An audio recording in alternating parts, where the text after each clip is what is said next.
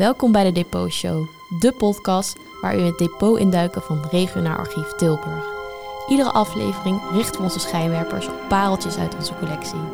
Van iets wat creepy haarwerkjes en middeleeuwse fragmenten tot lokvogels en mysterieuze passanten.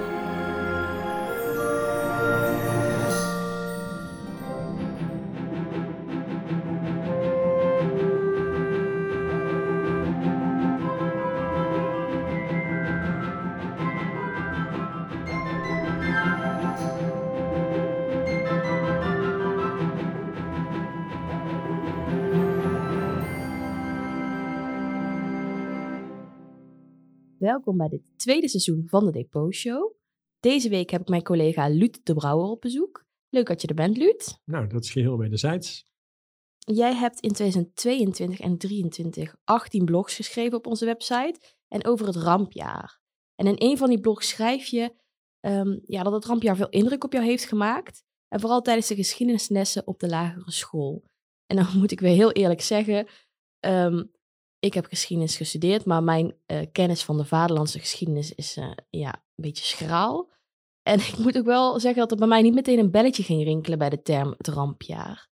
Kan je kort uitleggen aan onze luisteraars, wat is het rampjaar eigenlijk? Nou, je weet natuurlijk, Sterren, dat het uh, onderwijs achteruit is gehold de afgelopen tientallen jaren.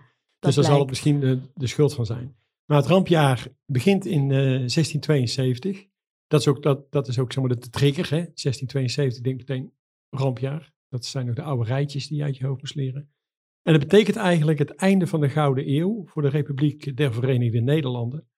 Verschillende landen verklaren dan de oorlog aan de Republiek. En ze wordt van alle kanten aangevallen. En dat leidde tot de vaak aangehaalde woorden voor dit jaar. De regering was radeloos, het volk was redeloos en het land reddeloos. Nou, die rijtjes die heb ik dus nooit goed onthouden. Of ze zijn me niet aangeleerd. Dus na een tijd van voorspoed, hè, van die Gouden Eeuw, breekt er een hele zware en chaotische uh, periode aan. Uh, welke gebeurtenis leidde het rampjaar eigenlijk in? Het rampjaar begon in uh, maart van 1672, toen de Engelsen een Nederlands handelsconvooi aanvielen en vervolgens op 27 maart ook daadwerkelijk de oorlog verklaarden. Op 6 april volgt dan een oorlogsverklaring van de Franse zonnekoning Lodewijk XIV. En eind mei sloten ook de bisdommen van Keulen en Münster zich bij de aanvallers aan. Dan had je dus een heel conglomeraat van uh, aanvallers eigenlijk. Ja, dus echt gewoon vier verschillende partijen vielen de republiek dus aan. Waarom deden ze dit? Wat was hun motief? Ja, um, hoeveel tijd heb je? Dat is echt een, uh, een, behoorlijk ingewikkeld en lang verhaal. Ja, laten dus we het kort houden. Ja, dat zal ik proberen te doen in ieder geval. Uh, dat, vereist ook wel een stukje kennis van de geschiedenis. Maar goed, we gaan het gewoon proberen. Dus na de vrede van Münster in 1648, die een eind maakte aan de 80-jarige oorlog, was de republiek erg machtig. Ze hadden de grootmacht Spanje militair verslagen. Ze hadden een sterk en effectief leger en vloot. En de handel bloeide als nooit tevoren eigenlijk. En uh, het ging economisch het land enorm voor de wind. En als je succesvol bent, dan heb je vrienden, maar je krijgt meestal ook vijanden. En de Engelsen wilden de zee domineren. En dat resulteerde eigenlijk al heel kort na 1648 in drie oorlogen tegen Engeland om de hegemonie op zee. Uh, na 1648 dus. Er was een oorlog tussen 1652 en 1654. Er was er eentje in 1666, 1667. En de derde, die begon dus eigenlijk in het rampjaar. En geen van deze oorlogen eindigde in een klinkende overwinning voor een van beide partijen. Dus de machtsverhoudingen werden niet echt aangetast. En de Franse koning, Lodewijk XIV, de zonnekoning, die wilde in Europa een grotere rol spelen. Die vond zichzelf erg belangrijk, daarom gaf hij zichzelf ook de naam zonnekoning. Bovendien was hij in zijn grandeur ervan overtuigd dat de republiek eigenlijk geen recht van bestaan had. Je moest een koning hebben. Daarnaast had de republiek hem gedwarsboomd toen hij in 1667 de Spaanse Nederlanden, dat is zeg maar hedendaags België, aanviel en wilde toevoegen aan Frankrijk. Hij sloot een verdrag met de Engelsen tegen Nederland. En de bisschoppen van Münster en Keulen, die hadden ook ieder hun eigen agenda en die wilden gebieden veroveren in het oosten van de Nederlanden. Uh, Lodewijk XIV die spande hen voor zijn karretje zodat hij zich op het westen van de republiek kon concentreren, wat natuurlijk de grote uh, kracht van Holland uh, aanwezig was. Dus het was een spel van diplomatie en de juiste vrienden kiezen. En de republiek verbond zich tijdens dit conflict zich met Spanje en Pruisen. En het waren ook de Pruisische legers die de bisdommen bedreigden uh, in het oosten, dus in het westen van Duitsland, hedendaags Duitsland. Ja. Waardoor zij hun legers moesten terugtrekken. Ja, dus eigenlijk was het gewoon een beetje een machtsspelletje. En keken ze om elkaar heen van, nou, wie heeft hier nog meer voordeel bij? Laten we samenwerken tegen de republiek. En zo keek de republiek ook om zich heen van, oké, wie kan ons helpen? Ja. Um, en eindigt het rampjaar ook echt na een jaar? Nee, dat is het grappige, het grappige eigenlijk van, uh, van zo'n eh, term. Het rampjaar uh, was eigenlijk het, het, jaar waarin het helemaal misging. Zo moet je het eigenlijk zien. En ja. uh, de oorlog duurde langer. Want de strijd met Engeland en de bisdommen die eindigde in 1674. Toen werd de vrede gesloten, de vrede van Westminster. En in 1678 pas eindigde de strijd met Frankrijk, met de vrede van Nijmegen. En dit stuk is eigenlijk, dus het officiële verhaal. De militaire geschiedenis, de politieke geschiedenis, dat zijn dan de verhalen die je leert uit de geschiedenisboeken. Of die opgeschreven staan ook in de geschiedenisboeken. En op de lagere school was ik uh, al gefascineerd door het verleden en het vak geschiedenis. En die fascinatie is ook nooit meer weggegaan. En op de katholieke lagere school waar ik op zat, daar kwam de geschiedenis vanzelf met een rooms sausje. En dat kun je die fraters natuurlijk ook niet kwalijk nemen waar ik bij uh, in de klas zat. Ik had er ook geen last van. Dus op de een of andere manier heeft het rampjaar zich in mijn geheugen vastgezet. En het zal ongetwijfeld ook zijn gekomen omdat ik er nogmaals over heb moeten leren tijdens mijn opleiding aan de leraaropleiding het Moller Instituut in Tilburg. En daarna nog een keer op de archiefschool tijdens de lessen Vaderlandse geschiedenis. Het is natuurlijk ook wel een lekker dramatische naam. Ja, rampjaar is wel echt een goede, goede term. Ja, en die herhalingen, dat is altijd wel typisch hoe dat werkt. Op een gegeven moment dan blijft het gewoon echt hangen. Um, en dit rampjaar was in 2022 dus precies 350 jaar geleden. Maar was het ook de inspiratie voor je blogreeks? Eh, het feit dat het een herdenkingsjaar werd en dat er ook uh, zo'n landelijk aandacht aan werd besteed, ook een hele mooie serie op tv geweest, um, was een reden om dit onderwerp aan te pakken en daarover te gaan schrijven. Maar dat had ook, uh, was ook geïnspireerd door het uh, onderzoek wat ik al een paar jaar had gedaan in mijn werk op, de, op het archief in Tilburg. Het was namelijk het beschrijven van schepenbankarchieven en archieven van dorpsbesturen in ons werkgebied.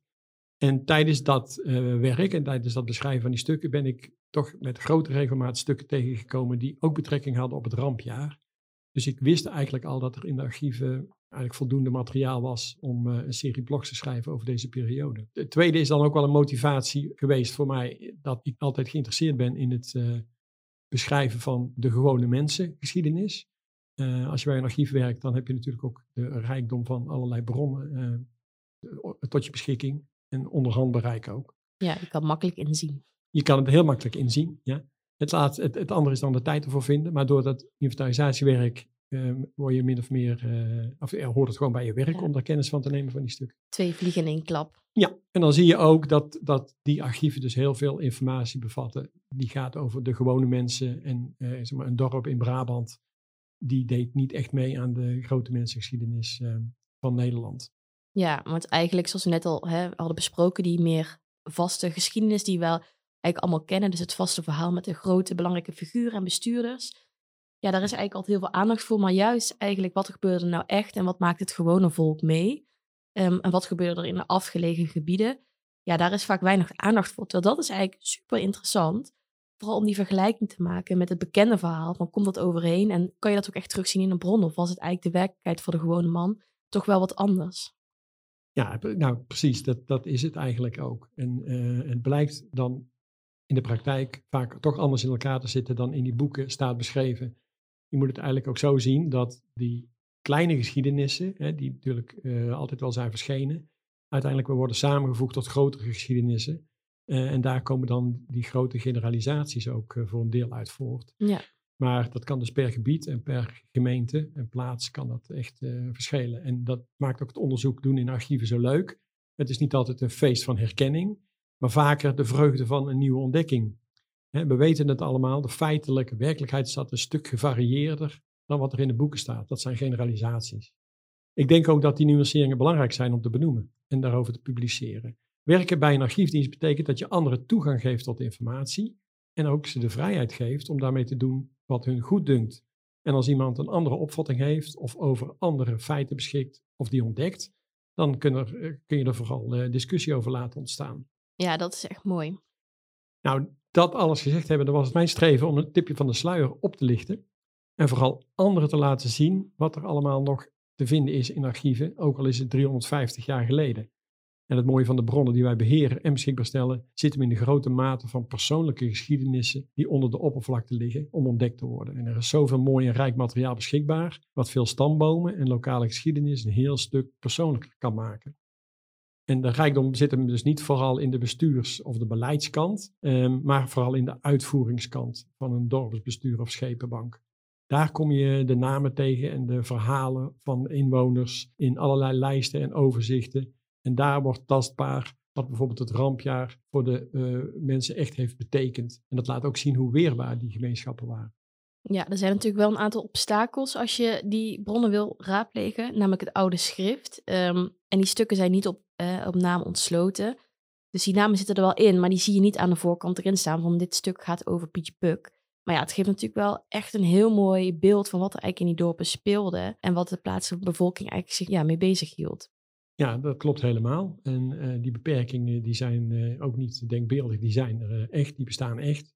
En oude handschriften die vormen inderdaad een uitdaging van je welste. En dat weerhoudt onderzoekers er vaak ook van om naar die vroege geschiedenis onderzoek te doen. Er is wel een goede website gebouwd, paar jaar geleden. Ook een Brabants initiatief hè, met het uh, BAIC en het Regionaal uh, Historisch Centrum Eindhoven. En wij dan. Uh, die heet Wat staat daar? En daar kun je op een redelijk eenvoudige wijze oude teksten leren lezen. En je kunt er woordjes, letters en, en hele teksten kunnen transcriberen. En dat staat ook allemaal goed en duidelijk uitgelegd.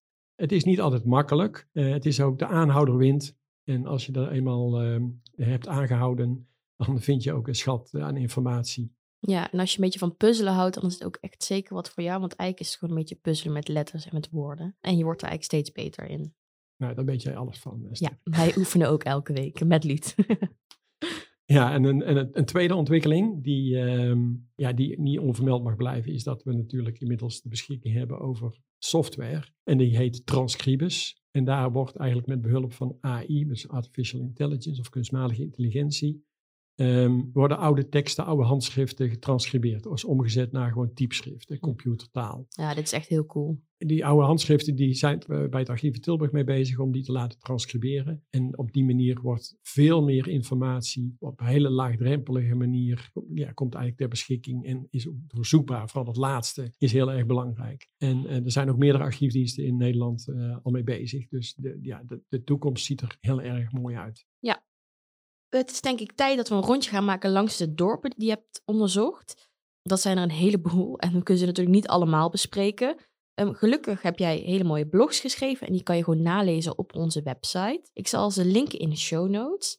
Um, en die show notes die vind je onder deze aflevering en natuurlijk op onze website www.regionaalarchieftilburg.nl. Uh, ik zou zeggen terug naar 1672. Ja, laten we dat doen. Um, nou, de situatie in, uh, in 1672 was niet best voor de Republiek. Daarom heet het natuurlijk ook het rampjaar. En aanvankelijk leek het erop dat uh, Brabant, wat toen een generaliteitsland was, de dans zou ontspringen. De Franse legers trokken namelijk om Brabant heen naar de Rijn om in de buurt van Arnhem en Nijmegen de Republiek aan te vallen. De reden daarvoor was dat de zuidelijke Nederlanden, wat nu België is, dat was in de handen van de Habsburgers. En Lodewijk XIV wilde daar geen, uh, geen ruzie mee maken, dus die liep daar gewoon eigenlijk omheen. De gedachte was dat ze daardoor ook mogelijk geen mogelijke vertraging zouden oplopen. Door Brabant zou je dan toch ook weer al die steden moeten proberen te veroveren. En door deze optrekkende beweging door de gebieden van vooral het bisdom Keulen, maar ook het bisdom Luik, konden de legers probleemloos de grens met Gelderland bereiken. En de Fransen dachten dat ze daarmee de republiek konden beletten om legers te mobiliseren. Het staande leger van de republiek was er sinds 1648 sterk afgenomen. Er was geen oorlogssituatie meer, dus dat was ook helemaal niet nodig. Ze wilden niet langer veel geld uittrekken toen het gevaar eenmaal was geweken na de vrede van Münster. En de positie van Oranje als stadhouder was eveneens afgebladderd. Dus zonder sterke militaire leiding en zonder leger verwachten de Franse leger snel vorderingen te kunnen maken in de richting van Holland. Ze realiseerden zich dat daar het economische en ook het politieke hart van de republiek lag. En dat wilden ze zo snel mogelijk neutraliseren. Oké, dus ze dachten even slim te zijn, we gaan om Brabant heen. Maar even voor mij en ik denk ook voor veel luisteraars, misschien is het handig om even te bespreken wat, ja, hoe het bestuur van de republiek eruit zag. En wie er aan het roer stond en wie de belangrijke spelers waren eigenlijk. Oké, dat zal ik dan proberen. Het was natuurlijk op, op het moment van de, van de aanvallen en de invallen was het uh, crisis in het land. En er veranderde heel veel in korte tijd.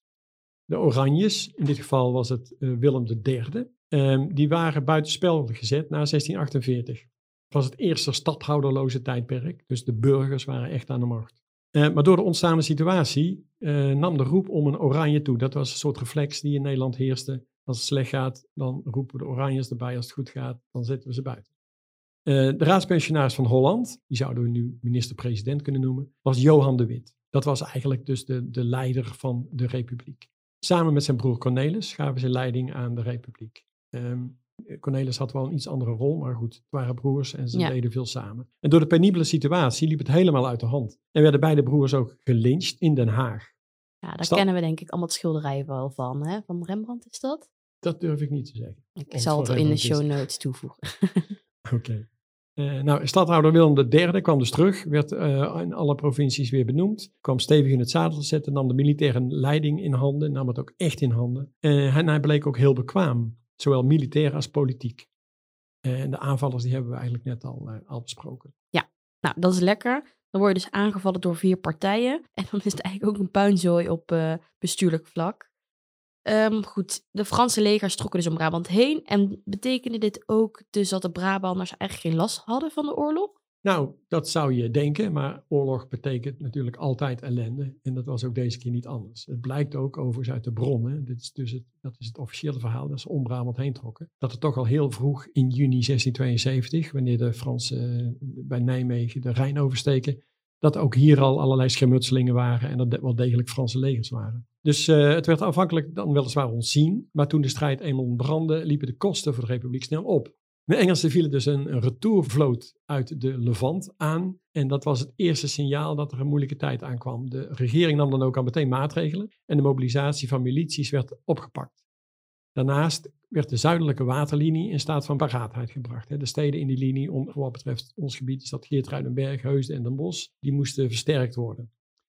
Nou, dat werk, dat versterken, dat moest voor een belangrijk deel gedaan worden door de inwoners van de dorpen in de omgeving. Zij werden voortdurend aangemaand om mensen te leveren, mannen in, in uh, bijna alle gevallen, om dat werk ook uit te voeren. Maar ze moesten ook de karren en de wagens leveren, maar ze moesten ook het materiaal leveren. Dus het hout, de palissade, boomstammen, riet. Eh, en bij de groei van de garnizoenen in die steden was het ook eten voor man en paard. De karren vrachten haver en stro gingen naar de steden toe vanuit de omliggende dorpen. Dat zijn dan ook de stukken die je in de archieven terugvindt, want die verzoeken die zijn voor een mooi goed deel bewaard. Nou, in dit soort onderzoeken brengt je ook weer terug naar de veranderende landkaarten. In ons werkgebied liggen een aantal plaatsen die tot 1811, eigenlijk tot 1815, eh, behoorden tot het graafschap Holland en West-Friesland. Is in 1815, na de Franse bezetting, werd de grens van de provincie Noord-Brabant vastgesteld. Zo kwam Geertruidenberg, notabene de oudste stad van Holland, Hoge en Lage Zwaluwen, Schavenmoer, Raamsdonk en Malen en Drimmelen binnen de grenzen van Noord-Brabant te liggen. Oké, dus die plaatsen waren in 1672 dus eigenlijk deel van de provincie Holland en dus niet van Brabant. Ja, klopt. En ze hadden daarom ook een andere positie dan de Brabantse dorpen. Want Holland was natuurlijk een speler, een belangrijke speler. Uh, en na de vrede van Münster, waarmee een eind kwam aan de oorlog aan de Republiek in Spanje, dus was Brabant gedegradeerd tot een generaliteitsland. En had geen zelfstandig bestuur. Wat hield dat in, dat generaliteitsland? Ja, dat betekent eigenlijk dat je een bezet gebied was. Um, je had dus geen bestuur, geen zelfstandig bestuur. Het gebied werd bestuurd vanuit Den Haag, waar de Raad van State en de Staten-Generaal zetelden. Zij hadden de zeggenschap over Brabant. En het graafschap Holland was binnen de Republiek natuurlijk het machtigste gewest vanwege hun enorme economische kracht. En ze betaalden het meest en dan mag je ook het meeste zeggen. En daarmee was de positie van bijvoorbeeld Hoge en Lage Zwaluwen niet te vergelijken met de dorpen in Brabant, zoals Moegestel. Oké, dus als ik het goed begrijp, waren de een stad zoals Geertruidenberg en de dorpen Hoge en Lage Zwaluwen, Schavenmoer, Raamsdonk en Maden-Drimmelen. Dus eigenlijk Holland, waardoor zij een betere um, positie hadden. En de Brabantse dorpen waren eigenlijk een beetje het ondergeschoven kindje. En die werden vanuit uh, Holland dus bestuurd. Um, ben je hier ook voorbeelden van tegengekomen in de archieven, die grote verschillen? Uh, nou ja, in, uh, in de Hollandse plaatsen wordt dus bijvoorbeeld eerder alarm geslagen. Het bestuur van uh, het graafschap Holland gaat al heel vroeg um, de steden en dorpen oproepen om bijvoorbeeld milities te activeren. En dat gebeurt al zo vroeg als op 5 maart. dus dat is echt helemaal aan het begin van de strijd. Ja. de spoorden toen dus aan. in dit geval Geertruidenberg, om zo snel mogelijk hun burgers, ingezetenen en vreemden te enrolleren. Dus die moesten ze in dienst nemen. En ze kregen de functie van waardgelders. Dat zijn huurlingen die in groepen buiten de normale militie, schutterij of garnizoen werden ingezet om de verdediging ter hand te nemen. Dat kon dan ook natuurlijk sneller, want die garnizoenen bijvoorbeeld moesten ze lang wachten. Ja, precies. Die moesten van verder komen dan. Ja, en die kost ook geld. Uh, Geertruidenberg gaat een dergelijke compagnie dan ook oprichten, op 15 maart al. En deze huurlingen, die uh, werd van hooghand opgedragen om de nodige passen en frontierplaatsen te bezetten. Zeg maar de belangrijke punten in dit gebied. En ze werden bewapend door de stad. En het stadsbestuur van Geertruidenberg, die zat ondertussen niet stil. En deed met enige frequentie verzoeken aan de Staten van Holland en West-Friesland om versterking van het garnizoen omdat het leger zwaar verwaarloosd was vanaf 1648, kwam die versterking maar mondjesmaat op gang. Bovendien, door de concentratie van de aanval in het eh, oosten van het land, moest de legerleiding ook echt keuzes maken van ja, waar gaan we nu onze soldaten naartoe eh, sturen. En toen ze eenmaal eh, versterkingen kregen, ontstonden er weer nieuwe problemen. En op 5 april vaardigde de, het stadsbestuur een resolutie uit waarin ze de herbergiers en tappers verbieden om na negen uur nog bier te tappen of wijn te schenken. De reden staat duidelijk genoemd, is om te voorkomen dat onrusten, oneenigheden en misverstanden bij de burgers en de soldaten al hier ontstaan. Blijkbaar kwam het te vaak voor dat er vechtpartijen uitbraken in de stad. Ja, er is ook weinig veranderd hè, in al die tijd. Ja, mannen en drank, dat is een hele slechte combinatie. Ja. Dus de soldaten eh, in de stad betekenen ook last van inkwartiering en daarmee gepaardgaande problemen voor de inwoners. Um, ja, en die, al die soldaten hadden natuurlijk ook een slaapplek nodig. Maar wat voor problemen leverde dat eigenlijk nog meer op? Nou, dus het was uh, inderdaad, de, de, drukte nam natuurlijk toe, hè? De, de ruimte, de schaarse ruimte. Het was natuurlijk, het waren ommuurde steden, dus er was niet eindeloos ruimte. Ja. Um, die moesten, er moest gedeeld worden. Uh, ze moesten allemaal eten. Die soldaten kwamen ook vaak uit het buitenland. Hè? Dus het, uh, in, in Geertruidenberg lag bijvoorbeeld een Spaans garnizoen. dus je had daar allerlei complexe situaties die ontstonden. En als de Franse legers dan de Rijn zijn overgestoken, dan intensiveert het stadsbestuur de verzoeken om versterking van het garnizoen. En de angst neemt ook toe dat de Fransen naar het westen trekken. Dat heeft ook wel andere gevolgen, namelijk vermogende burgers willen de oorlog voorblijven en vertrekken uit de stad. Ja, die nemen de benen, of dat proberen ze. Ja, precies. En die willen dan hun dure spullen en huisraad meenemen en hun geld natuurlijk. Uh, dat heeft weer gevolgen voor de stadskas. En het stadsbestuur besluit dan ook op 23 juni 1672 om iedere burger te verbieden om goederen uit de stad te vervoeren op straffen van verbeurtverklaring van diezelfde goederen. En wat hield dat in? Nou, de verbeurtverklaring hield eigenlijk in dat als je betrapt werd op het vervoeren van, uh, van een wagen met spullen bijvoorbeeld, dat die spullen dan uh, moesten worden afgestaan. Dus die werden gewoon in beslag genomen. Ja, dus als mensen dachten we vertrekken met al ons hebben en houden, dan uh, moesten ze dat inleveren bij het stadsbestuur. Ja, als ze betrapt werden. Dat was natuurlijk wel voorwaarde. maar goed, het geeft ook aan dat er blijkbaar dus veel, veel mensen waren die dat ook deden. Ja, want ja. anders hoef je zo'n maatregel niet te nemen, zo'n resolutie niet, niet af te sluiten. Van de andere kant is er soms ook reden tot feest. Eh, met name als er militaire successen zijn, zoals bij de bevrijding van Naarden in 1673. En bij de ondertekening van de vrede van Westminster met Engeland. Eh, en ook in 1674, dus met, na de bevrijding van Graven, is het feest. En in de stadsrekeningen vind je dat dan terug, omdat er geld wordt uitgegeven aan pektonnen die de feestelijkheden opluisteren met vuur. Ja, dus het was niet alleen maar ellende wel de meeste ellende, maar soms was er ook een lichtpuntje. Ja, er moest natuurlijk ook gewoon feest gevierd werden. Bovendien was het voor de regering ook belangrijk dat er successen gevierd werden natuurlijk. En dat het ook zichtbaar werd voor uh, de landgenoten dat, uh, dat ze niet stil zaten. En dat er wel degelijk uh, gewerkt werd aan, aan ontzet en, en de strijd tegen de Fransen. Ja, logisch. Het Hollandse dorp Schravenmoer werd getroffen door een ramp op 19 juni 1672. Dat is dan zeven dagen nadat de Fransen de Rijn overgingen en Gelderland introkken. Dus blijkbaar waren er ook troepen die meer westelijk gingen om daar onrust te stoken en angst te zaaien.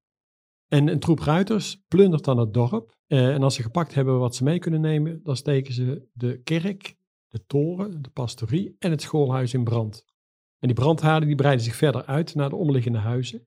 En zo branden er in totaal 53 huizen af. Zo, ja. Voor een klein dorp eh, als Schavenmoer eigenlijk is. Het duurt dan ook tot 1679, voordat de gemeenschap de kerk weer kan herbouwen. Ja, dat is wel echt een ramp, ja. Uh, maar waarom deden ze dit? Was het een soort wraakactie of was het gebruikelijk?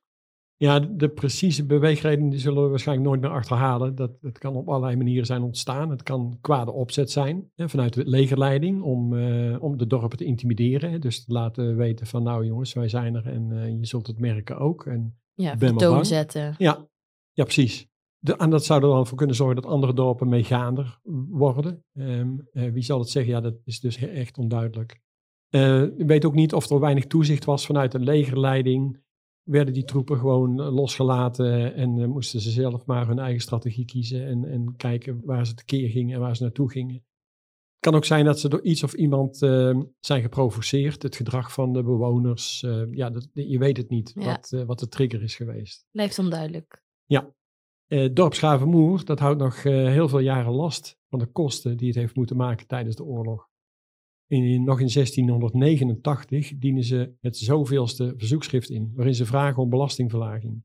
Ze beschrijven nogmaals het leed dat hen is overkomen in 1672. En in dat relaas daar staat dat Schavenmoer door Franse ruiters is geïnvadeerd geweest en dat doen haar opgezetenen van haar meubelen, vee enzovoorts van alles worden uitgeplonderd. Niet alleen dat, maar zelfs ook haar huizen van het meerdere gedeelte zijn afgebrand geworden. Nevens de kerken, de pastorij. Ehm, de dorpelingen zijn er dus niet in geslaagd om alle schade tot die tijd dus te herstellen. 1689, dat is toch eh, 17 jaar na dato. Ja, dat is flink, ja. Maar dat die ten dele als een puinhoop hebben moeten laten leggen. De gevolgen van het rampjaar zijn dus echt nog heel lang na te voelen. Ehm, en ik kan me ook zo voorstellen dat dat per dorp nogal kan verschillen. Wat je in de archieven dus terugvindt over het rampjaar.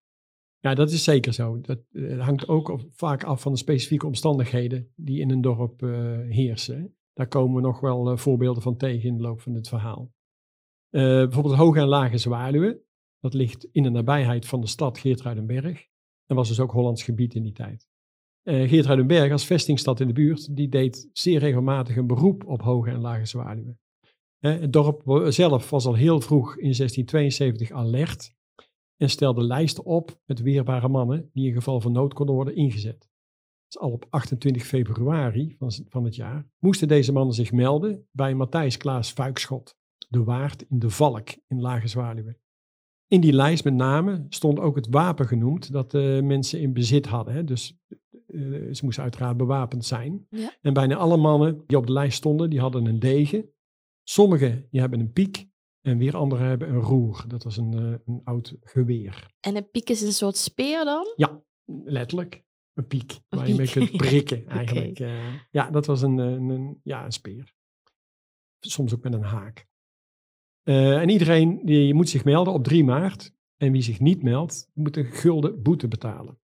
Ja, dus ze moeten zich eigenlijk dus laten registreren. Zodat ze wisten op wie ze konden rekenen dan in geval van nood. Ja, ja, Ja. dat, dat wat, ja, wie ze konden rekenen was inderdaad eh, ook belangrijk natuurlijk. Maar ze wilden natuurlijk gewoon weten welke mensen er beschikbaar waren. eh, waar ze een beroep op konden doen. Ehm, maar, want ze moesten dus ook vaak mensen leveren hè, aan, eh aan Geertruidenberg Ah, ja, bijvoorbeeld. om werkzaamheden te doen. Dat was gewoon een lijstje. Dat klopt, dat was een lijstje. En dit soort mensen hadden dan wel wat meer taken. hè. Die kon ook in de, in de verdediging of in het wachtlopen in zo'n plaats ingezet worden. In dit geval was het ook van belang om te weten wie er allemaal een wapen had. Hè. Dus dat je niet iemand eh liet wachtlopen die helemaal niks had om eh, zich mee te verdedigen Ja, in dat geval heeft van weinig zin dan, hè? Ja, nou ja, die voelt zich waarschijnlijk ook niet zo zeker. Eh, en die boete die geeft al aan dat niet iedereen graag deelnam aan dit soort activiteiten. Hè. Ze stonden natuurlijk niet allemaal te trappelen om, eh, om voor dit soort klusjes op te draven. Nee, daar kan ik me wel bij voorstellen. En het dorp werd in wijken ingedeeld en daar werd dus per wijk wacht gelopen.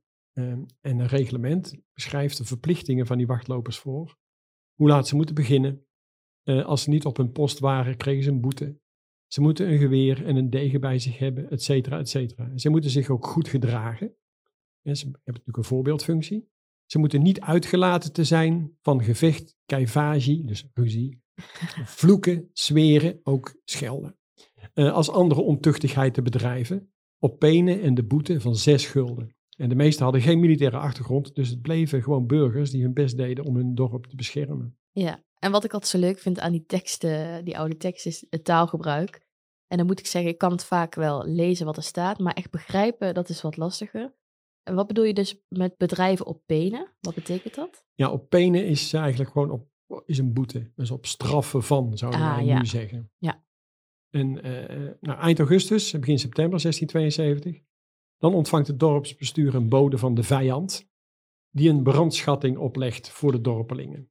En wat is een brandschatting? Ja, dat is eh, een manier van, meestal door vijandelijke legers of bezettende machten, eh, die daarmee geld eisten. Dus er moet gewoon geld betaald worden. Je moet je ook voorstellen dat zo'n leger, ehm, die komt hier naartoe, die hebben natuurlijk ook niks bij zich. Hè? Die Franse legers, dat is hartstikke leuk, ze zijn ver van huis. Eh, die kunnen niet alles eh, eh, meenemen wat ze nodig hebben. Dus die gaan dat gewoon, die gaan leven van het land, zoals het dan heet. Ja, die komen dat opeisen. Ja, die komen dat eisen of ze gaan plunderen. Dat is wat we net bij, bij Schavenmoer eh, hebben gezien. Ehm, dus die hebben verschillende manieren om dat te doen. Nou, brandschatting is er eentje van. En dat woord brand, daar zit hem dan vooral in dat ze dus eigenlijk dreigden. Ze moesten dus geld hebben en anders gingen ze brandstichten en plunderen. Waar we het net even over hadden bij Schavenmoer. Dat zou dus best kunnen zijn dat ze, dat ze gedacht hebben, we pakken er een paar plaatsen uit, daar gaan we stevig in. En dan bij de volgende plaatsen, die weten dan in ieder geval dat we daartoe in staat zijn. En dat, ehm, Ja, dan gaat het wat soepeler. Dan Ja, gaan ze gewoon makkelijk en dat ze moeten betalen. Maar goed, Ja. Ze hebben wel buiten de waard gerekend in dit geval. Want bestuurders van hoge en lage zwaluw die besluiten om niet te betalen.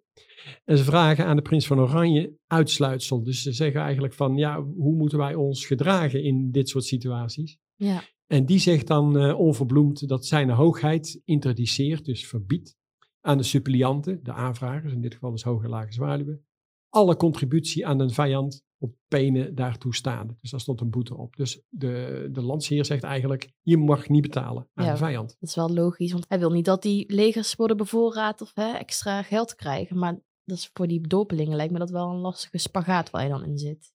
Zolang de Fransen niet voor de deur staan, is het een makkelijke keuze, maar zeggen. Maar als ze al op de stoep staan, dan, ja. ja, dan heb je, zit je natuurlijk in een andere onderhandelingspositie, Zit je zal in ik maar zeggen. Benaring. Ja, dat kan in ieder geval goed zo zijn. Nou, het dorpsbestuur maakt zich ook sterk om de kosten in de hand te houden natuurlijk en verzocht regelmatig aan de prins van Oranje om verlichting van de kosten en de verplichtingen. Dan zie je ook dat het een Hollandse gemeente was, benaderden ze ook meteen direct die prins. Ja, precies. Dat kon. Ja, die zochten ze gewoon op in, eh, in zijn legerkamp en die zwierf een beetje door, uh, door Holland, verschillende plaatsen en daar gingen ze dan naartoe om, uh, om dit soort verzoeken te doen. Nou, Geert Ruidenberg die vraagt in 1673 om 50 mannen die de stad kunnen verdedigen. Uit Maden komen dan 100 mannen. Um, en dat vragen ze omdat een deel van het garnizoen dan is vertrokken en de verdediging is verzwakt. En op deze manier willen ze de verdediging weer wat versterken.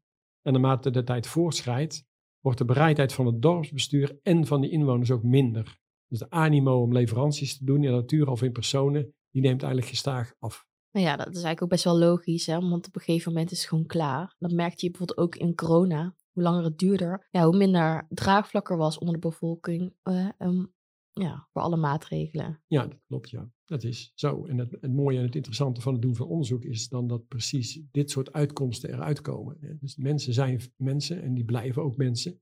De omstandigheden kunnen veranderen, maar de reactie die is vaak hetzelfde. Niks nieuws onder de zon. Nee.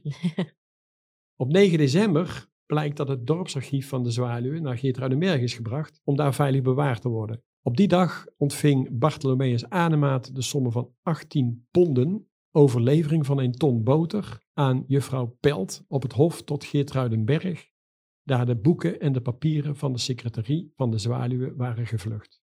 Wat grappig. Het zijn dus de archieven, neem ik aan. Ja. Ja, dat is misschien ook wel de reden dat we er vandaag de dag nog kunnen inzien. Dat zou zomaar kunnen, ja. Nou, dan gaan we door naar Raamsdonk. Uh, in het eerste jaar van de oorlog was het daar goed raak. Dit dorp, onder de rook van Geertruidenberg, maakte zich druk over de verblijfplaats van het Franse leger. Zij waren bang dat dat leger ook in Raamsdonk de tenten zou opslaan en dat wilden ze graag voorkomen. In uh, juni van uh, 1672 lagen er al Franse legereenheden bij Vlijmen, die alle dorpen in de omgeving brandschatten. Betalen dus, het zij in rantsoenen, dus gewoon in, uh, in natura, het zij in geld. En de stadhouder van de gemeenschappelijke dorpen in de Langstraat, Peter Melse Brouwer, doet zijn uiterste best om zich te houden op de verblijfplaats van de vijand. In juli 1672 waren de Fransen in Crèvecoeur bij Sertogenbos en Peter Melse Brouwer reisde daar ook heen om een oogje in het zeil te houden. Hij zocht ook contacten in het Franse kampement om zo extra informatie in te winnen. Vriendjes maken is altijd goed. Om de hogere officieren tevreden te houden, moest er ook regelmatig geschenken worden geregeld. Meestal in de vorm van wild en ander kostbaar eten. Dat noemden ze dan vaak ook een verering. In de rekening kom je dat dan terug als een verering. Hm. En op 21 juli schrijft hij dat hij naar Ten Berg is gereden. Dat is Geertruidenberg. Daar een zalm heeft gekocht, die wij naar Druinen gebrochten en de vereerde aan een veldmaarschalk van den koning van Frankrijk. Dus de leveranties aan de Fransen in Graven, Crèvecoeur en Nijmegen kosten in totaal het dorp 1200 gulden. Dat is eigenlijk wel slim, een beetje zoet houden, die eh, Fransen. Ja, En die klopt. brouwer, hè, is dat een voorvader van jou? Nee, dat is geen voorwaarde van mij. Nou, dat zou wel leuk zijn Ja. geweest. Nou, niet alleen die Fransen kosten geld, eh, ook het staatse leger, dus het, je eigen, het eigen leger, met mannen en paarden, die moesten eten en sloeg ergens zijn tenten op. Eh, bovendien leverde Raamsdonk mannen die in diverse plaatsen de verdediging op orde moesten brengen. Onder meer in Heusden waren dorpelingen uit Raamsdonk te vinden om de vesting te versterken. Het staatse leger, onder conditie van zijn hoogheid den heren prins van Oranje, binnen Raamsdonk gekampeerd geweest en er verbleven meer dan zes weken. Dat kost het dorp al hun koren, hooi, stro, bies en riet. Daarbij is het dorp ook ontbloot van alle plantatie en de bomen, gewas, maar ook van hun vee, paarden, koeien en varkens. Zo'n flinke kaalslag. Ja, eh. dat, dat hakte er natuurlijk flink in. En eh Raamsdonk kreeg ook te maken met vluchtelingen uit andere dorpen.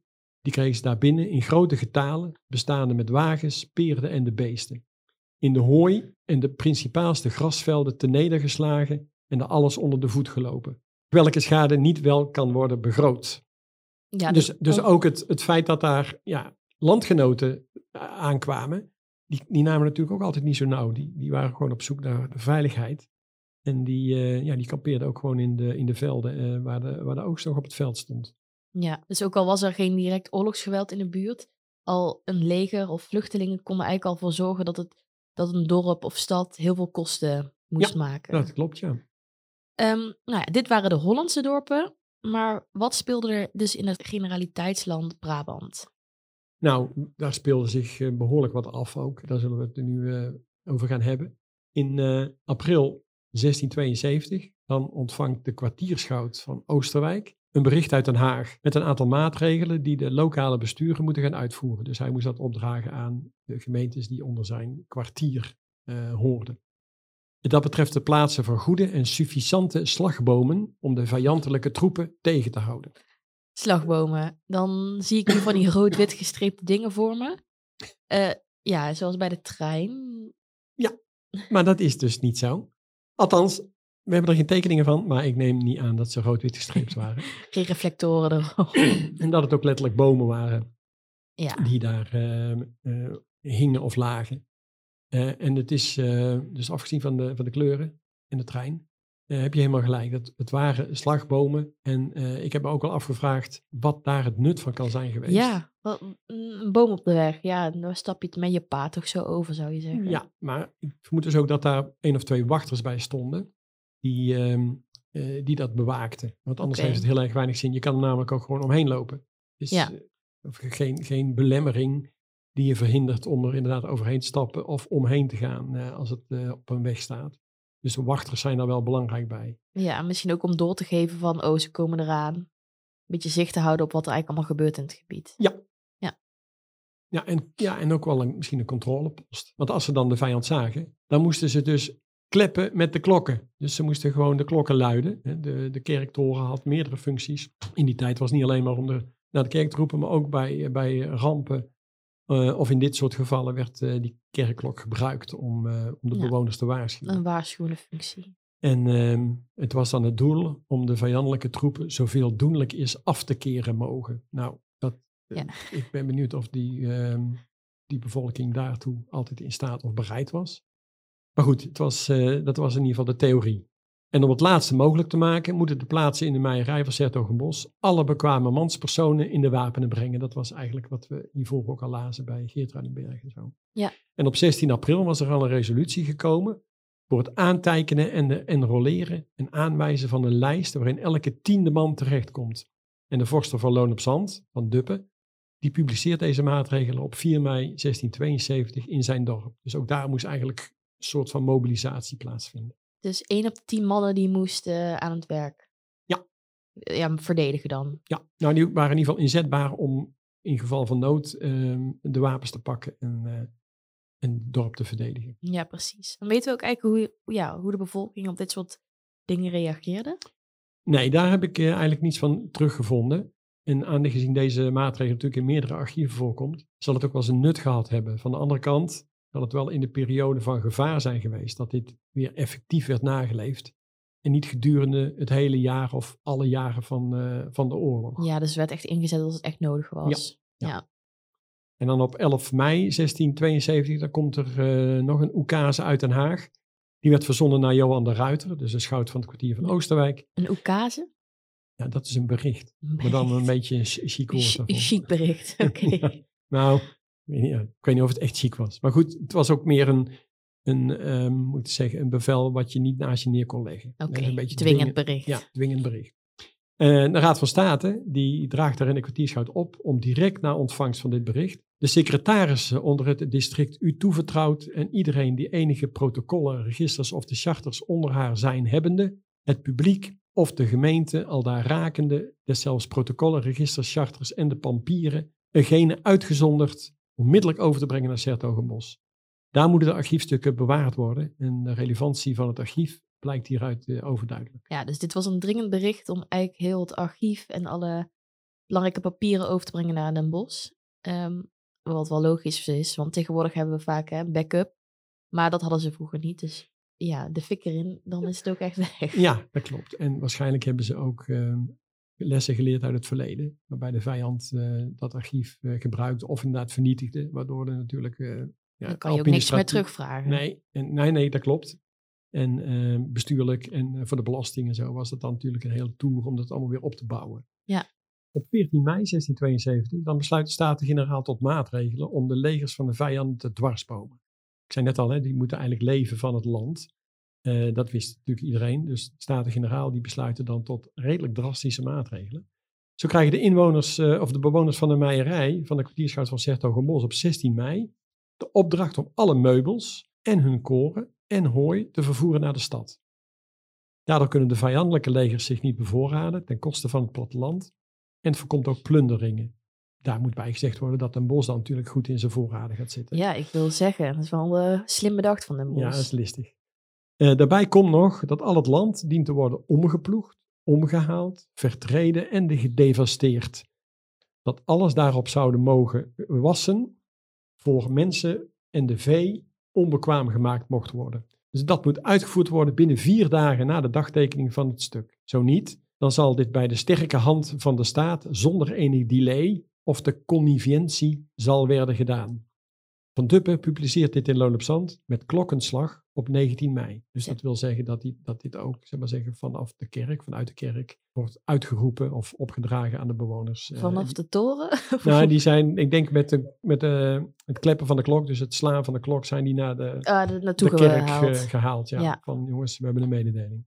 En dat zijn wel hele sterke woorden. En ook wel echt hele strenge maatregelen. Eigenlijk moeten ze gewoon hun complete hebben en houden verplaatsen en vernietigen. Ja, dat klopt. Dus het is, dat is inderdaad best wel ingrijpend. Ik weet ook niet in hoeverre dit eh, allemaal is eh, doorgevoerd. Het was natuurlijk mei, dus het is nog helemaal in het voorjaar. Dus de, de, de oogst is er nog niet. Je moest eigenlijk alles wat op het land staat eh, vernietigen. Dat Ja, die, en die mensen moeten ook wel zelf eten. Dus ze kunnen ook niet elke keer naar Den Bosch gaan. En dan, Nee. Hm, die, die oplossingen, hoe dat opgelost moet worden, dat staat ook niet beschreven. dat vond Den Bosch ook niet zo interessant, denk ik. Misschien niet. En de Staten-Generaal ook niet. Nee. Dus in, in, nou, in juli kwam er een groot Frans leger door Hilvarenbeek. Dus langzaam zie je dan dat Brabant eigenlijk niet langer ontzien wordt en dat daar toch allerlei manoeuvres eh, plaats gaan vinden. Ja. En er kwamen dus meer dan duizend manschappen met hun paarden en bagagewagens en karren door het dorp. Eh, die groep die kwam van Bokstel en nam tijdens hun doortocht alle de vruchten, granen en de fourage enigszins omtrent haar passage staande mee. Dus alles wat ze op hun weg eh, tegenkwamen, dat namen ze gewoon mee. En alsof dat, dat nog niet genoeg was, hebben zij ook de huislieden van haar goederen en de meubelen beroofd. Wat een schadepost opleverde van 750 gulden. En van deze troep soldaten heeft een deel ook toegeslagen op de hoeve van Tulder. Het ligt iets ten zuiden van uh, Hilvarenbeek. En ze hebben daar kisten en de kasten aan stukken geslagen, waardoor Deonijs Kolen, de pachter, voor bijna 90 gulden schade had opgelopen.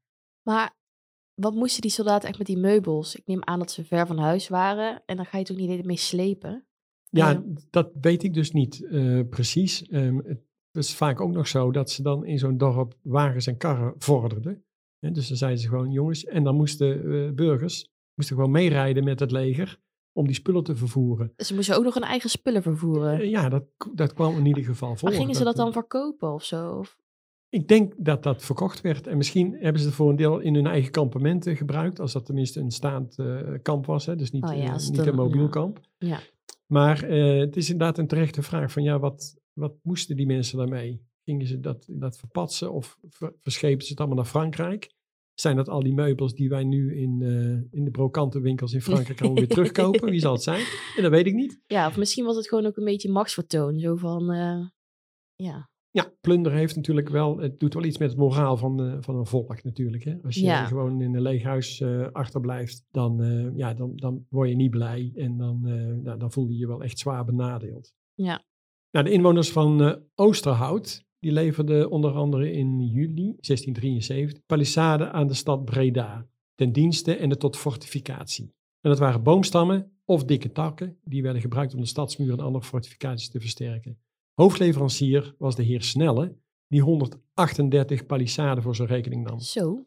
En vervolgens zijn de namen van een kleine 700 Oosterhouters opgesomd, verdeeld per buurtschap, en de hoeveelheid palissaden die zij hebben geleverd. Ah, dit is wel echt een vette genealogische bron. Want Dat- dan heb je heel veel namen en ook ongeveer waar ze woonden. Ja, zeker. Ja. dus dat is een mooi, mooi detail wat in je genealogie eh, opgenomen kan worden. En in totaal leverde Oosterhout eh, 2874 palissaden tegen een vergoeding voor de leveranciers van 3593 gulden en 15 stuivers. En de meeste kwamen uit het buurtschap Middelwijk, 1135, en de minste uit Ter Aalst, 30. En de kwitanties van Jochem Akkermans, Cornelis Jans, Jacob Adriaanse de Lang, Adriaan Leenaerts Rutte en Roggers Akkermans, die tonen aan dat de palissade, de stormpalen en de fascijnen, dat zijn eigenlijk takkenbundels, die ook gebruikt werden om eh, versterkingen aan te brengen, per schip vanuit Oosterhout naar Breda werden vervoerd. En konden ze die kosten dus ook ergens declareren? Of zagen ze ja, nooit echt meer geld voor hun goederen? Nou, het feit dat het allemaal geregistreerd is, impliceert eigenlijk al dat ze in ieder geval eh, opgegeven hebben wat het hun gekost heeft. Ja. En daar ook dat eh, het, het bestuur, het dorpsbestuur, dus eh, de noodzaak zag om dat vast te leggen. Want dat werd inderdaad wel vergoed. Ehm, en die archieven die zitten, zitten vol met declaraties en kwitanties. Hè. Het zijn, we zijn Nederlanders, dus we letten goed op onze centjes. Ja. Ehm, en de, het feit dat die namen en de cijfers kennen, komt ook omdat ze dat dus goed noteerden en het terug konden vragen. Het landsbestuur werd bestookt met verzoekschriften om belastingvermindering of vrijstelling. En dan in juli 76, 1676 worden de inwoners van Oosterhout opgeroepen om zich te melden voor werkzaamheden bij Maastricht. Oh, Ja, deze stad die was in eh, 1673 in recordtempo veroverd door eh, Lodewijk XIV in hoogste eigen persoon. En eh, stadhouder Willem III, die kon dat natuurlijk niet over zijn kant laten gaan. Dus die was van plan deze verovering ongedaan te maken. En in deze strijd eh, zocht de stadhouder hulp voor werklieden die mee moesten werken aan de belegeringswerken. Op 30 juni 1676 vaardigde de stadhouder het bevel uit waarbij hij eh, arbeiders vorderde. En de baronie van Breda die moest duizend personen leveren en Zo. 50 karren met paarden en voerlieden. Het deel van Oosterhout bedroeg 159 personen met een schub of de bijl, moesten ze meenemen, en acht karren. ja, Maastricht is ook wel echt ver weg. Ik kan me zo voorstellen dat die mannen misschien ook nooit zo ver van huis eh, zijn geweest. Nou, naar Maastricht zullen ze inderdaad niet veel zijn geweest, die bewoners van, eh, van Oosterhout. Eh, maar het tripje naar Breda of Geertruidenberg was wel heel gewoon. Soms moesten de mensen ook daar zijn om inkopen te doen of zaken te doen of zaken te regelen. Oké, dus een beetje reizen deden ze wel soms. Ja, ja, de samenleving was een stuk minder vast en immobiel, dus ze waren juist heel erg mobiel. Mm. En het is nogal een onderneming om natuurlijk helemaal vanuit Oosterhout naar Maastricht te, te reizen en daar een bepaalde periode werkzaamheden uit te voeren. Eh, de mannen moesten zich melden eh, rond 8 juli. Eh, en de aanhef van iedere lijst die bevat weer andere elementen. Dus blijkbaar was de opdracht niet geliefd en moest een boete van 25 gulden per persoon Zo. en 50 gulden per kar aan te pas komen om de juiste motivatie te En krijgen. dat is wel echt een flinke boete. Ja, dat, zijn, eh, dat is echt een serieus bedrag, ja. En, en het was ook al 1676, dus de oorlog was al vier, vijf jaar bezig. Hè. Dus de, Ja, en waar we het eerder over hadden, die vermoeidheid treedt dan toch op een gegeven moment in. Eh, Maastricht was natuurlijk ook niet in het directe belang van eh, de inwoners van, eh, van Brabant, zal ik maar Ja, zeggen. dus dat zorgt ook wel voor minder motivatie. Ja, het was een lange reis. Je was lang van huis. Dat scheelde ook allemaal inkomsten. hè. Dus je, je, Ja. je kon niks verder doen aan je ambacht of aan je boerderij. Het was geen ook. populaire job. Nee. nee, en het was ook behoorlijk ingrijpend. De personen die voor Maastricht niet geweest zijn, worden uiteraard bezocht voor een verklaring. En van acht personen die zeggen dat ze er geen raad mee weten. Eh, dus er waren natuurlijk ook mensen die, die kregen dat verzoek. Ehm, eh, Ja, die moesten- konden daar niet aan voldoen eigenlijk. Nee, maar die wisten ook niet goed, ja, wat moet ik nou doen? Moet Ja. ik nou gaan of moet ik nou niet gaan? Ehm, wat voor consequenties eh, heeft dat? Hè? Dat was natuurlijk niet allemaal, het waren geen, Ja. eh, geen sufferts. Die mensen dachten gewoon na. En die wikten en wogen natuurlijk wel wat, eh, wat de consequenties zouden zijn. Ja. Anderen zeggen dat ze het gaan oplossen door iemand te zoeken. Dat kon namelijk ook. Je kon ook een plaatsvervanger eh, benoemen. Ah, oké. Of het te zeggen als de persoon in kwestie weer thuis komt. Natuurlijk klassieker is, Hij ik is zoek Jan, niet. hij is er niet. Niet zo een rondje lopen. ja. Maar ik zal het hem zeggen als hij er weer is. Ja, precies. Ehm, nou, van de tien mannen is bekend dat ze wel bij Maastricht zijn geweest, maar van het werken gaan lopen. Dus die zijn gewoon op een gegeven moment hebben die gedacht, jongens, het is mooi. Die ik, dachten, eh, houdoe. ik ga weg, ja. En bedankt. Eh, twee van hen zijn ziek thuisgekomen. 27 personen zijn op dat moment nog aanwezig bij Maastricht. En een andere lijst toont 18 personen die op 18 juli zijn vertrokken uit Maastricht. Dus weer terug naar Oosterhout. Eh, een andere lijst weer geeft een totaaloverzicht aan van de mannen uit Oosterhout per buurtschap die bij Maastricht moesten werken en zijn vertrokken met datum van vertrek en naar en terugkomst uit het leger. Daar staan ongeveer 150 namen op. Dus die 159, hè, wat het eh quotum voor Oosterhout was, daar zijn ze redelijk goed eh, bijgekomen. Ja. Daarvan zijn er 15 gedeserteerd en 15 ziek teruggekomen. De omstandigheden zullen niet optimaal zijn geweest bij die belegering. En mogelijk heerst er een of andere epidemie. Eh, per naam staat erbij of hij zelf is- gegaan of een plaatsvervanger heeft gestuurd.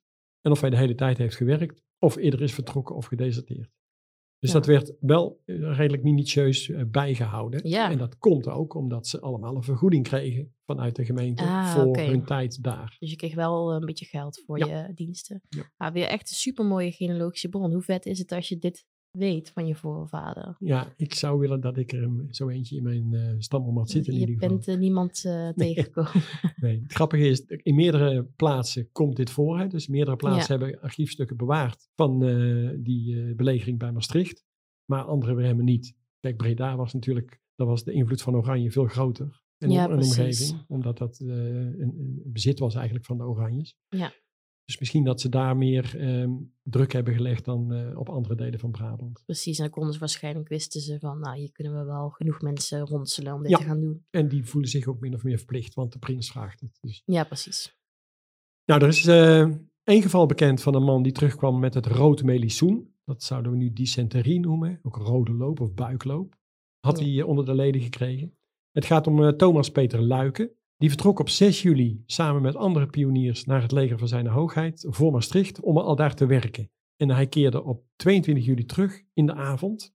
En hij eh, kwam toen aan bij het huis van Cornelis Jan Fik. En hij klaagde tegen hem dat hij geheel ziek en met het rood melissoen besmet was. Hij wilde graag in het huis slapen, maar dat weigerde Cornelis Fik, omdat zijn familie met gelijke schadelijke ziekten niet zouden besmet worden. Op zich een te Ja. begrijpen keuze. Ja, De mannen die samen met Thomas uit het leger terugkeerden naar Oosterhout, die verklaarden dat hij deze ziekte onder de leden had. Zijn verklaring over dit voorval is opgetekend op 24 juli 1676. Dus je kan ook niet zomaar zeggen, joh, ja, ik was echt ziek. Die, eh, er werd wel degelijk, degelijk onderzoek gedaan van, nou, is, is iemand wel echt ziek en zijn daar ja eh, getuigen precies. van? Dat geen eh, smoesje was. Ja, en het, maar het wrange is wel dat deze Thomas Luiken naar Maastricht vertrok in plaats van die Cornelis Jan Fik.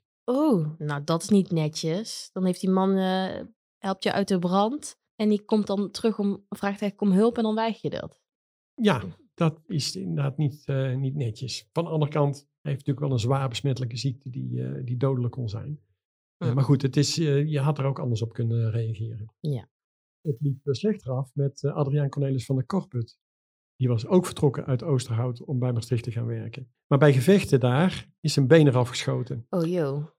En op 27 juli 1676 kwam dokter Montens bij hem om Adriaan te visiteren, dus te onderzoeken. Ja. En te kijken hoe het ervoor stond. Maar hij kwam te laat, want eh, Adriaan was kort daarvoor al overleden. Ja. Nou, het dorp Ter Heide die had een paar eh, bijzondere fenomenen, namelijk schansen. Ja, de schansen. Ja, er lagen twee schansen in de buurt. Eh, de grotere Spinola-schans en de kleine schans. Beide waren aangelegd ter verdediging van Breda. Goed, ja, ik reageer misschien een beetje heel vreemd enthousiast op de schansen. Maar tijdens dus onze wekelijke leesclubjes hebben we ook teksten gelezen over die schansen. En ik vond het gewoon heel fascinerend.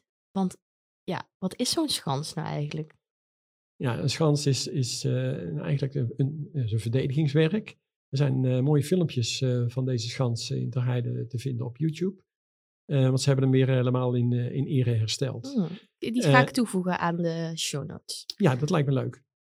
Schans is meestal een vierhoekig terrein met wallen, dus verhogingen, eh, eh, zandwallen. En eh, met een gracht of water eromheen. Eh daar konden ook soms kanonnen in staan. eh, en een klein garnizoen kon ook binnen die wallen vertoeven. Zodat het ook echt een hindernis kon zijn voor legers die daar wilden passeren. En het lag in de bocht van het riviertje de Mark, die naar Breda ging, of van Breda kwam, net hoe je het bekijkt. Dus dat ook een, echt een strategische rol daar. En van deze schansen was de kleine schans de verantwoordelijkheid van de inwoners van Ter Heide. De schans lag dicht bij de bewoonde kern. Deze kleine schans eh, had daarom wel degelijk een militaire betekenis. En nog in 1671 zijn er werkzaamheden uitgevoerd aan de waterlopen rondom deze schans, of het Fort Ter Heiden, zoals het ook in de stukken wordt genoemd. Dus, Dus- eigenlijk is het een soort verdedigingswerkje waar, ja. waar ze mensen konden neerzetten. Dus op een strategische plek bij die rivier. Ja. Is Hm. natuurlijk een extra hindernis en dat voorkomt waarschijnlijk ook dat je makkelijk zo'n rivier over zou kunnen steken. Ja, precies. De schans viel onder het bevel van de gouverneur van Breda. En hij was dus verantwoordelijk voor het onderhoud en waarschijnlijk voor de militaire bezetting van dit fort of de schans. De schans is aangelegd na de herovering van eh, Breda in 1637 door Frederik Hendrik. En hij had het doel om het scheepvaartverkeer over de markt te beschermen en vormde dus een extra hindernis bij een eventuele aanval op Breda of verder weg Geertruidenberg, de andere kant op. De kleine schans had vanzelfsprekend een militaire bezetting die kosten met zich meebracht. In 1672 was de schans al een tijdje in onbruik, maar nu kwam hij weer van pas. Om de schans in goede staat te krijgen en te houden was er allerlei onderhoud nodig. En in juli 1672 kwam er een bevel, gericht aan de ingezetenen van Ter Heide, om dagelijks anderhalve kan bier te leveren aan de arbeiders die werkten aan de schansen. Ja, dus Ter Heide had een beetje gedwongen soort van die schans geadopteerd. Ja, nou ja, hij lag dus ook echt dicht bij de, bij de dorpskern. Hè? Dus het Oh was ja. voor hun ook wel het makkelijkste om daar eh, werkzaamheden aan te verrichten. Ja. Nou, meerdere jaren is daar onderhoud aan gepleegd natuurlijk. En met name als de legerleiding vreesde dat Breda op de nominatie stond om belegerd te worden, dan nam de activiteit toe. En de militaire verplaatsingen hadden daar vaak ook mee te maken. Dus de inwoners van Ter Heide moesten met enige regelmaat stro leveren voor de soldaten die op de grote en de kleine schans in garnizoen lagen. En dat kon behoorlijk oplopen. In de jaren eh, 1672 tot februari 1676 leverden zij op de kleine schans 2626 bossen stro. En op de grote schans 1641 bossen stro. Zo. Stro die diende als, eigenlijk als matras voor de soldaten. Ja. En de ingebruikname van de schans die had ook tot gevolg dat de bomen in de omgeving moesten wijken. Om het schootsveld natuurlijk eh, en het ook het uitzicht goed vrij te houden. En dat kostte bijvoorbeeld 180 dikke olmenbomen, gestaan en gelegen dicht onder het fort, om des te beter uitzicht te komen. Op 10 januari 1673 gebeurde er wat opmerkelijks. Vanuit Breda vertrok een Spaans regiment, dat waren de bondgenoten tegen Frankrijk. Ze voeren per schip over de markt de stad uit. Het regiment ging aan land bij de kleine schans in Ter Heide. Een sterke tegenwind maakte dat ze hun tocht niet konden vervolgen. Deze mannen hadden wel honger, dus de bewoners van Ter Heide brachten 16 tonnen bier en verder brood, boter, kaas, vlees, hooi en stro naar die eh, soldaten toe. Die moesten daar een nacht doorbrengen en eh, moesten hopen op een gunstige wind de volgende dag. Maar het weer bleef slecht en om niet nog langer te moeten wachten, werden er paarden aangevoerd door Ter Heide om de schepen verder te trekken. Je moet ook heel praktisch denken dan, als ze weg zijn die soldaten, hoeven Ja. ze ook niks meer te geven. Ja, daar kwam Ter Heide denk ik wel goed uit. Ja, die wilde ook wel dat ze weer vertrokken. Precies, dus die waren heel erg bereid om, eh, om mee te helpen. Ja. Dus eh, ze trokken de schepen verder tot de volgende bocht in de mark, waar de wind weer gunstig was. Het was natuurlijk een slingerde rivier. en Ja, precies. zeilboten, dus je was wel afhankelijk van de wind. Er lagen maar liefst 30 schepen en dat Zo. vereiste 60 paarden om ze op weg te helpen. Al met al vroeg het dorpsbestuur om ruim 200 gulden om de kosten te vergoeden. Nou, een ander aspect waar eh, Ter Heide mee te maken kreeg, dat waren de zogenaamde inundaties. Dus het onder water zetten van lage gebieden, polders meestal. Was natuurlijk voor Nederland een beproefde methode om de vijand buiten de deur te houden. Of het in ieder geval heel erg moeilijk te maken. In 1672 vreesde de Republiek dat eh, Breda zou worden aangevallen. Om dat te voorkomen, of in ieder geval moeilijk te maken, gingen ze preventief polders onder water zetten. In dit geval waren dat de Binnenpolder, 500 bunder land, en de Hartel, Zipten en Atsmoerenpolders, samen 70 bunder, in en bij Terheide. Deze zogenaamde inundaties waren effectief in de oorlogsvoering als er genoeg water is, maar leverden ook veel schade op voor de boeren. Ja, want die wonen daar natuurlijk ook gewoon in die Ja. gebieden en hadden daar landbouwgrond. Ja, het was hun, hun land. Dus ze Ja. konden dan langere tijd dus geen gebruik maken van hun landerijen. En eh, eventuele oogsten was, waren verloren. En als er nog gezaaid moet worden, kon dat natuurlijk ook niet. Eh, en bovendien, als het gevaar geweken was, dan kostte het ook weer moeite om dat water uit de polder te krijgen. Ja, en weer een beetje normale gronddroogte te krijgen. Ja. Dus dit leverde in totaal eh, voor Terheide een schadepost op van eh 2400 gulden. Zo. Een paar maanden later, op 31 mei, kwamen er maar liefst 15 regimenten ruiters logeren. Zo heet dat ook echt in de boek. in Terheide. Dat betekende een kampement met zo'n 1200 mannen en paarden. En deze legers hadden ook hun vrouwen en kinderen bij zich. Dus ze verbleven negen dagen in Terheide. En dat kostte het dorp bijna 20.000 gulden. Holy moly. Dus zij vertrokken weer op 8 juni naar Roosendaal, Sprundel en Rookveen. Voor het transport van hun bagage vorderden de legers 80 wagens voor personen en 30 karren voor goederen met voerlieden. En deze mannen bleven twee dagen weg en dat kostte ook nog eens ruim 800 gulden. Dat waren echt ja, logistieke problemen die moesten worden opgelost. Ja, en daar draaiden dus elke keer de bewoners uiteindelijk voor op. Ja, precies. Want naast het geld waren ze natuurlijk ook gewoon tijd kwijt, zeg maar, dat ze in Ja. andere dingen konden steken. Ja. Maar eh, vrouwen en kinderen, die reisden dus blijkbaar mee met het leger. Ja, dat was ehm, gebruikelijk in die tijd. En dat wil niet zeggen dat dat elke keer gebeurde, maar met name als er grote legerverplaatsingen waren, die ook voor langere tijd ergens eh, naartoe gingen, dan kon het zijn dat dus de vrouwen en de kinderen mee verhuisden. En bovendien had je bij zo'n leger, als het een beetje omvang had, had je ook een groep mensen eh, die ervan leefden. Hè? Dus die verkochten voedsel of die kookten Ja, bijvoorbeeld. precies. Dus een Of beetje die, eh, de hulp, Ja, nou ja, die, die repareerden zadels of ehm, karren. karren of eh, zwaarden of zadels Ja, of geweren. de of- smits ging, ja. Ja, dus daar, daar was wel vaak een groep mensen omheen die, eh, die daar zijn brood mee verdienden. Hm. En ik heb dan, dan ook altijd nog wel een beetje romantische beelden bij. Dat kwam natuurlijk ook voor, die soldaten waren vaak heel lang in het land. Daar konden ze ook zomaar een meisje tegenkomen. Ja. Nou, als ze daarmee gingen trouwen of, eh, of in ieder geval een relatie hadden, dan is het voorstelbaar dat ze die meenamen op hun, eh, op hun tochten en niet in een of ander dorp achterlieten. Ja. Dus nou goed, dat, dat soort ehm, verhalen kun je daar ook bij, eh, bij voorstellen. Ja, vooral als denk ik ook zo lang, zo'n situatie zo lang duurt. Hè? Dus niet langer dan een jaar, dan komen dit soort dingen, worden misschien Ja. ook wat vaster. Ja, dat maar. klopt. Ja, dat klopt. En eh, in dorpsrekeningen komen ook regelmatig posten voor dat, dat er betaald wordt voor vrouwen en kinderen die op doortocht zijn door het dorp. eh, op zoek naar het legeronderdeel van hun man eh, en vader. Dus dat, dat is echt geen, geen uitzondering. Oké. Dan is er in Ter Heide nog een heel bijzonder document. Dat is in, in 1673 opgemaakt. Het bevat een lijst van alle vrouwen in het dorp. Inclusief de dienstmaagden en de kinderen. En de namen die zijn geordend per buurtschap. En het is opvallend dat in deze lijst nauwelijks vrouwennamen voorkomen. Ja. Alleen de rol van de vrouwen in het gezin. Dus de huisvrouw van, de weduwe van, de dochter van, de meid van. En als er vrouwennamen in voorkomen, wordt er geen man genoemd. Mogelijk betreft het dan ongehuwde of alleenstaande vrouwen, al dan niet met hun kind of kinderen. Het is allemaal dan natuurlijk wel een prachtig bevolkingsoverzicht. eh, een volkstelling avant la lettre in eh, 1673. Ja. Ja, een paar voorbeelden. Je had dan de meid van Willem Koenen de Raaf, één persoon. De weduwe van Hendrik Klaassen met vijf kinderen, zes personen. De huisvrouw van Adriaan van Opstal, zijn kind, met nog het kind van zijn broeder, drie personen.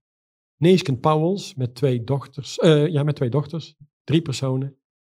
Maaike den Horen met haar dochter, twee personen. Ja, het is echt een, prachtige opsomming, eh, een uniek document eigenlijk voor, eh, voor zo'n dorp. ja, en dit zien we eigenlijk altijd terug in de bronnen uit die tijd. Dus dat de naam van de vrouw eigenlijk nooit wordt benoemd, maar het is altijd de vrouw van. Ehm, weten we waarom deze lijst is opgesteld? Nee, ik kan je niet vertellen waarom deze lijst eh, nodig was. Het, het kan zijn natuurlijk om te weten hoeveel mensen er nog in een dorp aanwezig waren. eh, bijvoorbeeld om voorraden in te kopen.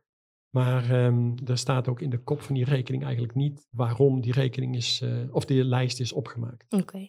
Nou, er zijn meerdere verzoekschriften opgesteld om compensatie te krijgen voor allerlei leveranties die de dorpen in de baronie, waaronder Balen-Nassau, hebben moeten dragen. Zo is er een van uh, 23 mei 1673, waarin de dorpen verklaren dat ze voor versterking van de stad Breda heel veel eikenpalissade en ander hout hebben geleverd, alsmede een enorme partij hooi die diende om de ruiterij in garnizoen in Breda van voedsel te voorzien.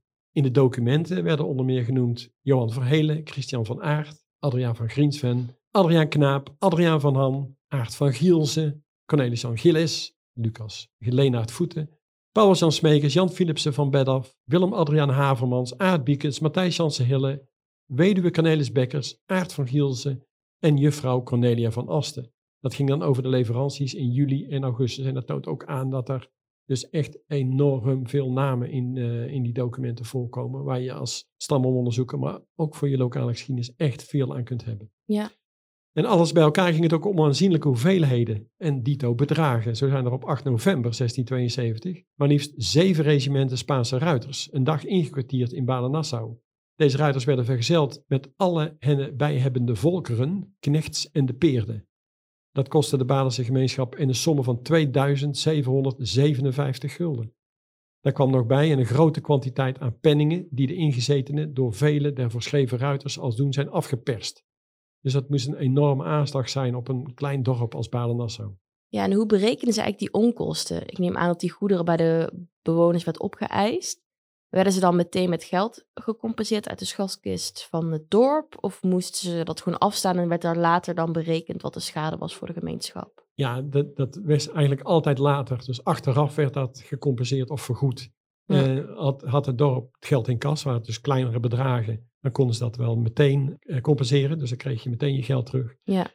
maar in heel veel gevallen was dat natuurlijk niet het geval en moesten ze het hoger opzoeken, bijvoorbeeld met verzoekschriften aan de landsheer bijvoorbeeld, ja. of aan de, uh, aan de Staten-Generaal. En dan, dan, was het dus afwachten wanneer en of ze terug zouden krijgen. Precies. Ja. En het was dus, kwam ook voor dat je dan um, gekort werd op de belastingen van het nieuwe jaar. Dus dat ah, het dus indirect werd je ja, dan uh, gecompenseerd. Het, het, het, dorp zelf hield dan rekening met het feit uh, dat je nog een soort achterstallige tegemoetkoming had.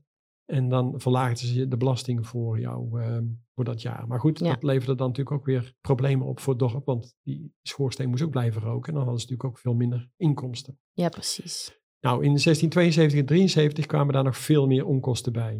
In 1672 heeft het dorp aan de ruiterij van de prins van Vaudemont moeten leveren gedurende 105 dagen. Oef. Dagelijks 9000 pond hooi. Um, in geld was dat 11.340 gulden. In dezelfde periode moesten ze ook hooi leveren aan de ruiterij van den staat. Want dat was natuurlijk niet alleen maar de Fransen, maar ook je eigen legers moesten ja. onderhouden worden. En dat duurde 79 dagen, 9900 pond hooi per dag, voor een bedrag van 9385 gulden en 4 stuivers. En in 1673 kwam er nog eens een bedrag van 12.000 gulden bij voor de leverantie van hooi aan de regimenten van de graaf van Nassau en overste Eppo om er aan te geven dat het niet om kinderachtige bedragen ging voor een kleine gemeenschap als Balen-Nassau. Nee, en dat je dus echt wel een beetje de sjaak was, als er dus zo lang legereenheden bij je in de buurt bleven. Ja, ja. ja, die wilde je dus echt het liefst zo snel mogelijk weer op doortocht sturen. Ja, of vermijden dat ze er kwamen. Ja. 20 juli 1672 is ook Dongen door de Franse troepen uitgeplunderd en zijn meer dan 80 huizen verbrand. Weet je. Het dorp is verlaten door de vele bewoners en de lasten zijn eigenlijk niet meer op te brengen gevolgd door een lijst met schademeldingen van de bewoners. Het gaat daarbij om het afbranden van de huizen en apart daarbij nog schade door het roven en plunderen eigenlijk, wat we steeds terugzien. Ja, en wat bedoelt ze dan dat ze de lasten niet meer konden opbrengen? Het dorp had geen inkomsten meer als uh, zoveel woningen zijn beschadigd, ja. mensen niet meer hun ambacht of hun beroep kunnen uitoefenen. Ze konden zichzelf niet echt meer herstellen eigenlijk. Het was een beetje op. Ze waren nauwelijks in staat om daar inderdaad nog te investeren. Zeker ook omdat die oorlog natuurlijk voortduurde. Dit was 1672, het was net begonnen. dus al, uh, je had uh, nog jaren voor de boeg. Uh, ja. Dat konden ze natuurlijk vooruit niet zien. Maar ja, waarbij je ook steeds weer leveren moest. Hè, gebrandschat werd door, eh, door de Fransen. onkosten had. Dus je, je, had al geen ruimte. Zeker niet op de dorpsbegroting. maar ook als particulier niet. Ja.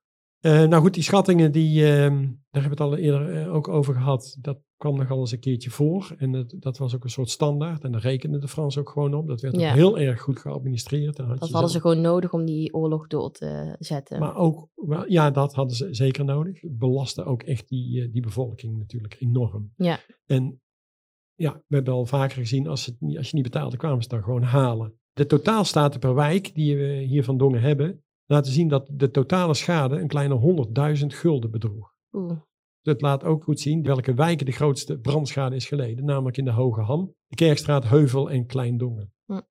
Er is ook een uitgebreide lijst met opgaven van de schade per inwoner. Daar staat dus de schade aan de woning, eh, de inboedel, eh, wat er meegenomen is, eventueel ook aan, aan goed. Een paar voorbeelden. Eh, Andries Peter Bogaerts, die verloor een huis met achterhuis ter waarde van 600 gulden.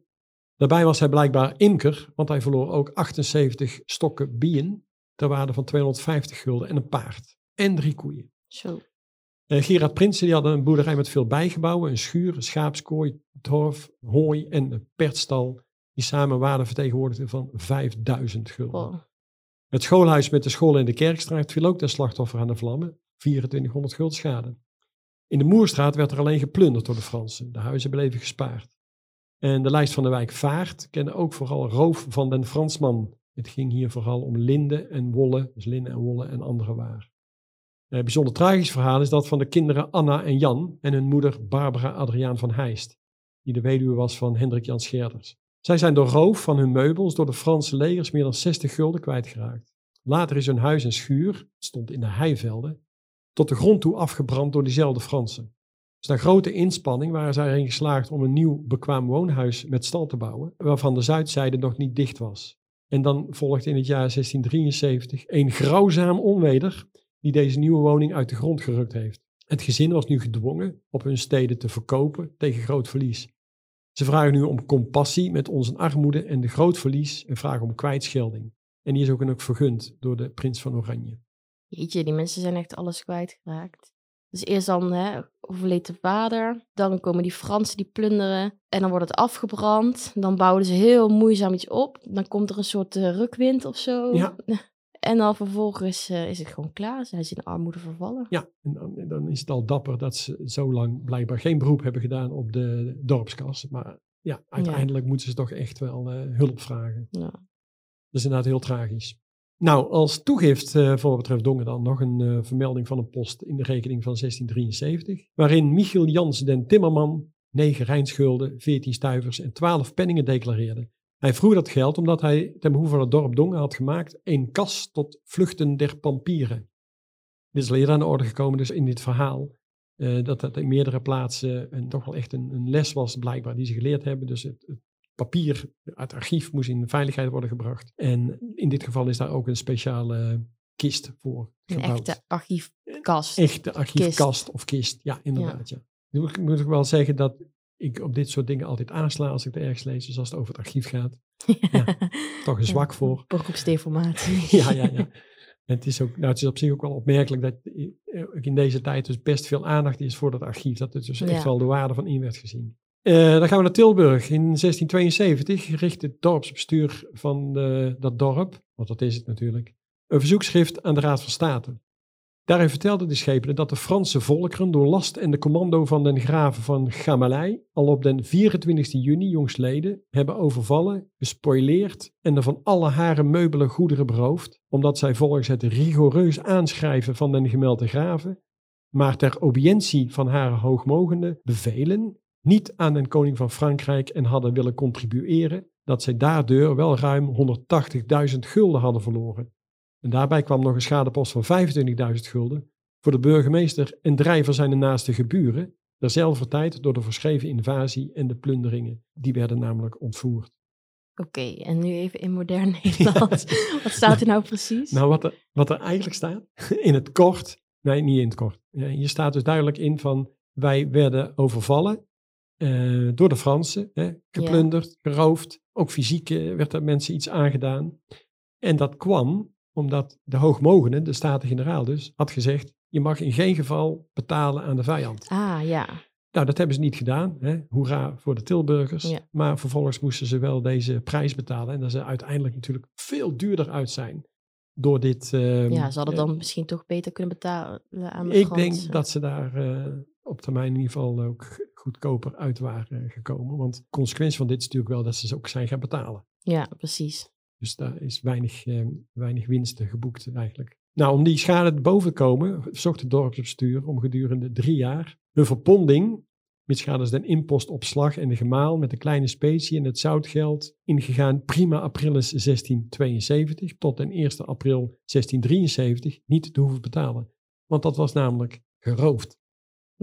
Nou, de raad besliste op 22 november 1672 dat het verzoek zou worden ingewilligd, maar slechts voor een periode van zes weken.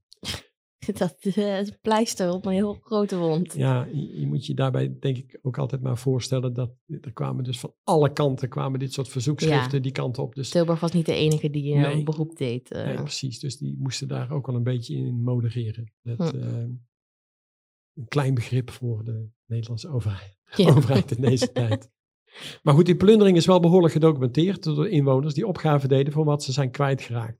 Eh, er is een lijst opgemaakt die in januari 1695, eh, waarom ze zoveel jaar hebben gewacht met het Ja. opstellen van deze lijst, dat is helaas eh, onduidelijk. Hm. Maar de beschrijving van de plundering is hierin nog kort samengevat. Op den 24 juni 1672, des nachts, omtrent ten twee uren, zijn er vervallen en een zeer miserabele geplonderd door een Franse troep ruiterijen, omtrent tussen de 3 à 4000 man sterk. Dus het was echt een Ja. grote groep mannen. Zeg dat. Eh, die zijn gecommandeerd door de graven van eh Gamelij, waardoor de voornoemde ingezetenen van alle haren meubelen, wol en de wollen lakens, natuurlijk een bekend eh, product Tilburg, paarden, vee als anderszins zijn beroofd. En de daarboven verschijnde lieden doodgeschoten, Zo. omdat zij volgens het rigoureus aanschrijven, daar is hij weer, van gemelde graven niet en wilden contribueren aan de koning van Frankrijk. Ah, Dan volgt er een opgave van wat ze per ingezetene kwijt zijn geraakt. ja. Dus de mensen die dus niet meer wilden meewerken, omdat de prins had gezegd je mag niet eh, betalen, die werden gewoon doodgeschoten. Ja, die, nou ja, een aantal in ieder geval. Dat zal Ja. ook, ook hiervoor geldt misschien, als we er nou een paar doen, dan zal de rest minder snel precies. eh, weigeren. Dan doet de rest wel lekker mee. Ja. Oké. Dus dat kwam eh, inderdaad voor om anderen over de streep te trekken. Of, ehm, ja, of, of als je echt weigerde, als je echt eh, heel principieel was en zei van nou jullie krijgen geen cent van mij, ja, dan liep je Ja. natuurlijk ook dit risico. Als je echt niet te provoceren. Dan volgt een opsomming waarvan sommige posten uit de overlevering waren opgetekend. Ja, omdat het natuurlijk in 1695, 23 jaar na dato, pas is eh, genoteerd. En in die lijst staan 68 posten. En die variëren van 25 gulden tot 9000 gulden. Een paar voorbeelden. Eh Anthony Soffaerts, die verloor 2000 gulden. En zijn schoonvader, zodanig getrakteerd dat hij daarvan kort daarna is gestorven. Getrakteerd. Ja, het zijn dus soms opmerkelijke woorden Ja. die gebruikt worden.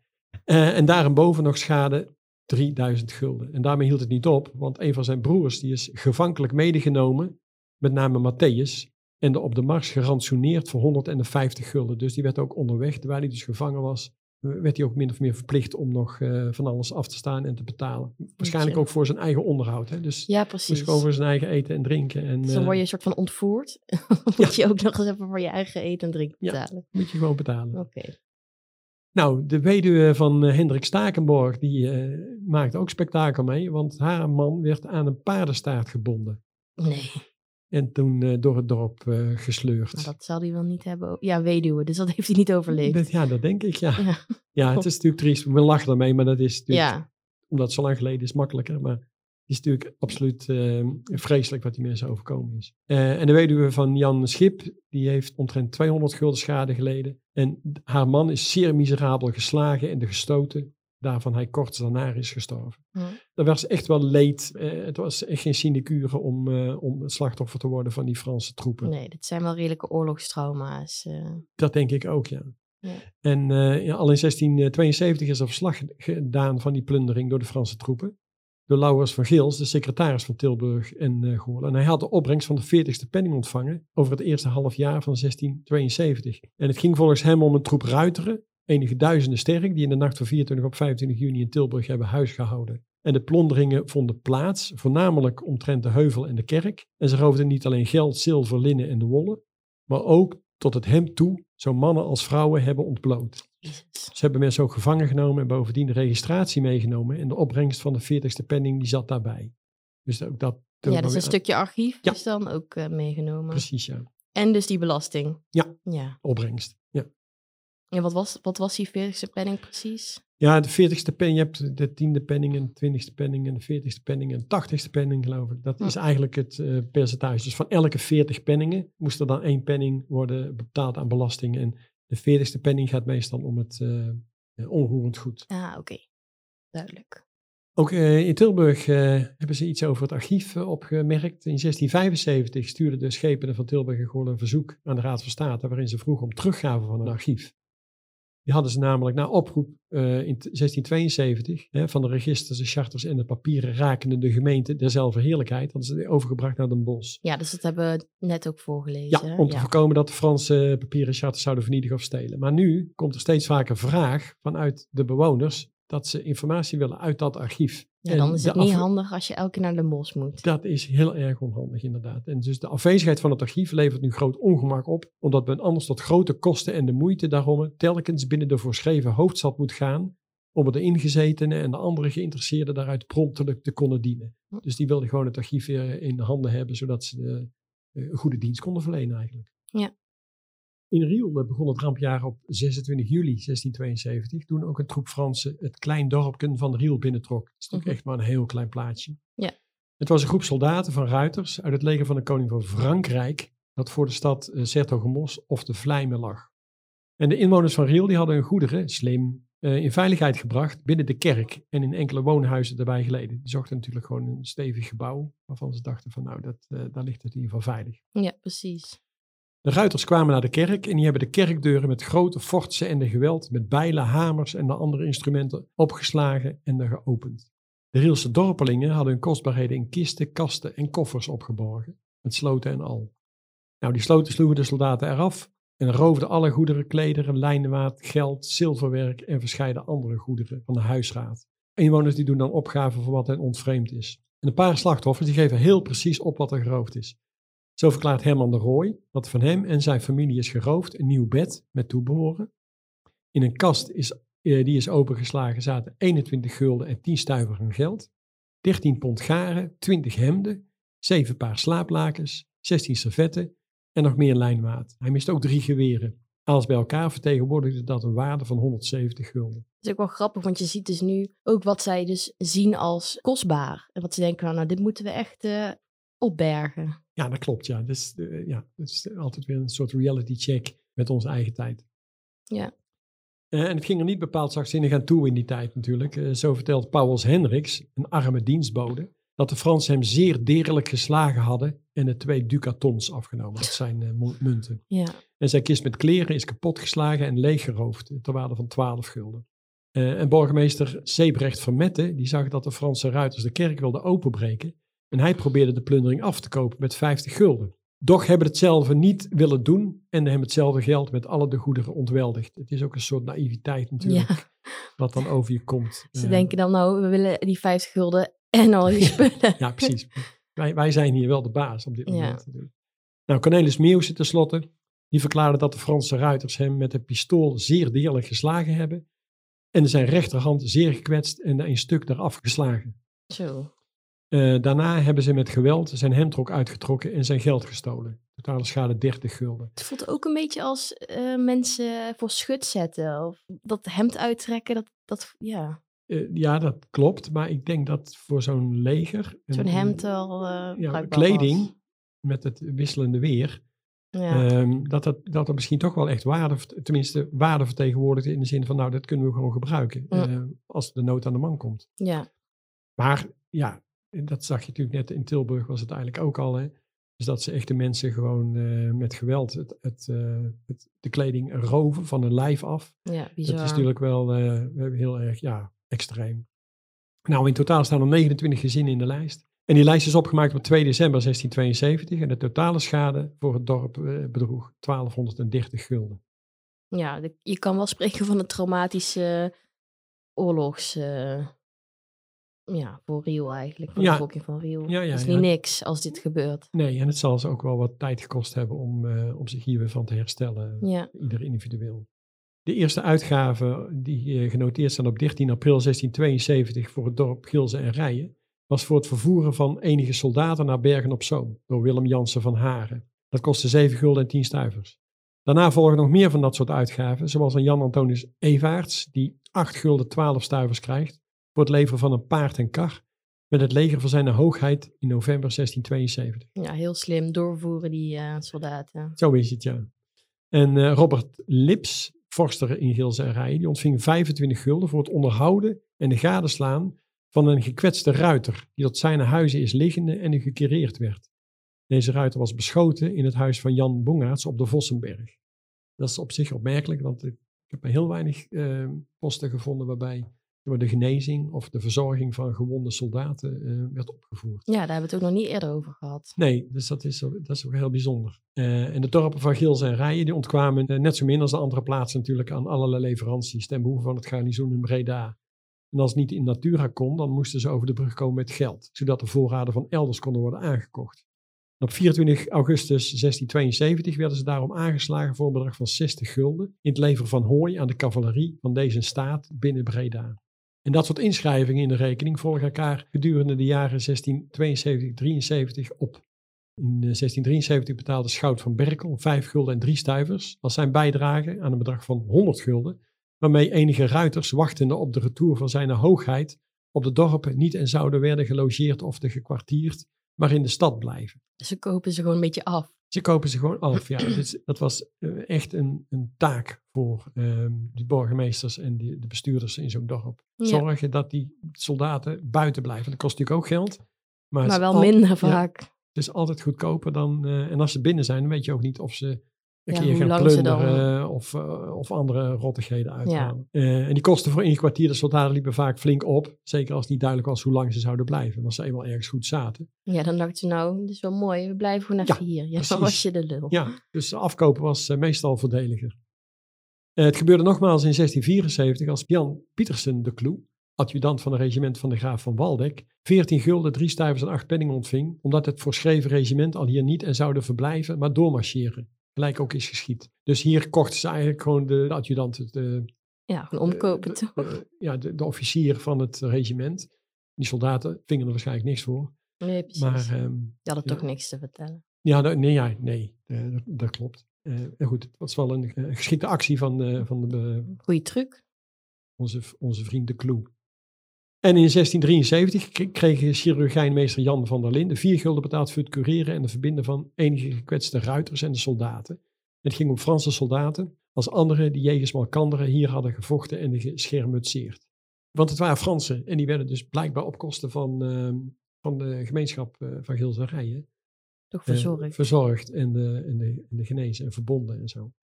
Nou, in de vergadering van 19 november 1673 werden enkele delicate punten besproken, namelijk de komst van veel legereenheden naar Brabant, zonder dat duidelijk was waar die zouden komen logeren. En er was sprake van acht regimenten ruiters, die komen te logeren in de baronie, zonder te weten op wat plaatsen. Wat wisten ze wel? Er lag al een regiment in Terheide en er waren twee regimenten aangekomen in Geertruidenberg. Die twee zouden gaan logeren in Oosterhout. Er kwamen nog vijf regimenten uit Friesland en dat daarom men op zijn hoeden moest zijn. En uit Spanje kwamen nog enige duizenden te peert die in de baronie zouden conjugeren, zoals gezegd werd, dus verblijven. Dit soort berichten leiden altijd tot extra activiteit vanuit de dorpen om dergelijke logeringen proberen te vermijden of zo klein en kort mogelijk te houden. De vergadering besloot daarom om enkele commandanten geschenken aan te bieden, zodat ze hun gunstig gezind blijven of worden. Het is ook eigenlijk bewonderenswaardig dat ze aan al die informatie kwamen en komen. Dus dat moet toch een uitgebreid netwerk aan de grondslag liggen, waardoor ze goed wisten wat er allemaal uh, op til stond. Ja, precies. Dat was wel echt cruciaal om eigenlijk goed op de hoogte te zijn van de bewegingen en van de plannen. Ja, klopt. En daar ook op proberen op te anticiperen en in dit geval dus de commandanten wat wild uh, te schenken. Ja. Nou, ook in Montgestel probeerden ze voortdurend de soldaten buiten het dorp te houden. Op 4 augustus 1672 kwamen er s'nachts een troep Franse soldaten te voet aan in Montgestel die van Breda kwam, geleid naar Oorschot. Dus die hebben ze door het dorp geleid. Meestal komt er wel een consumptie genuttigd. Maar dan zijn ze wel uh, ervan af. En op 23 september ging je naar Bokstel. Dat hier tijdingen kwam dat daar Fransen waren. Zij waren wederom weg. Dus soms ging je ook voor noppes uh, op pad. En in 72, 1672 heeft Thomas Jansen van den Hoven op bezoek van de schepenen de dragonder van de Fransen van hier tot Goorlen aan een watermolen gebracht. En die heeft daarbij ook enige Franse verloren brieven, die al hier gevonden waren, nadat ze vertaald waren, naar Middelrooi gebracht. Dus er was allerlei activiteit, ook in zeg maar, eh, die, die, kleine dorpjes, om ervoor te zorgen dat ze niet die brieven kwamen halen, maar je kon ze beter brengen. Ja, precies. Daar liep je minder risico uh, mee. en dan deed je ook, ook nog een soort gunst of zo. Dat was ook gewoon nog even fijn ja, voor ja, hen. precies. Ja. En uh, Willem Laurijs Baat, uh, ook in Mogestel, die leverde een, een, specificatie in met een hele rits van vermeldingen van soldaten. Zo kwam er een partij nieuwe geworven soldaten, 27 in het getal, die eten en drinken kregen op Sint-Pieter en Paulusdag, dat is 29 juni. Passeerden er vijf ruiters op weg naar Maastricht. Op 14 juli kwam een dragonder vanwege de koning van Frankrijk, die weer vertrok op 21 juli. Voor hem en zijn paard kostte dat 22 stuivers. 18 juli kwam er een sauvegardier, een soort bewaker met paard en knecht, die eveneens een week verbleef in het huis van Willem Baten. Die vertert in kosten en slapen als haver en de hooi voor zijn peerden des dags twee gulden en zes stuivers. En die, die eerste dragonder, dat was ook een sauvegardier. Beide hebben ze 35 pinten wijn gebruikt en 17 pinten bier. Op 4 augustus kwamen 21 soldaten van Breda. Drie dagen later 7 voetsoldaten van Breda.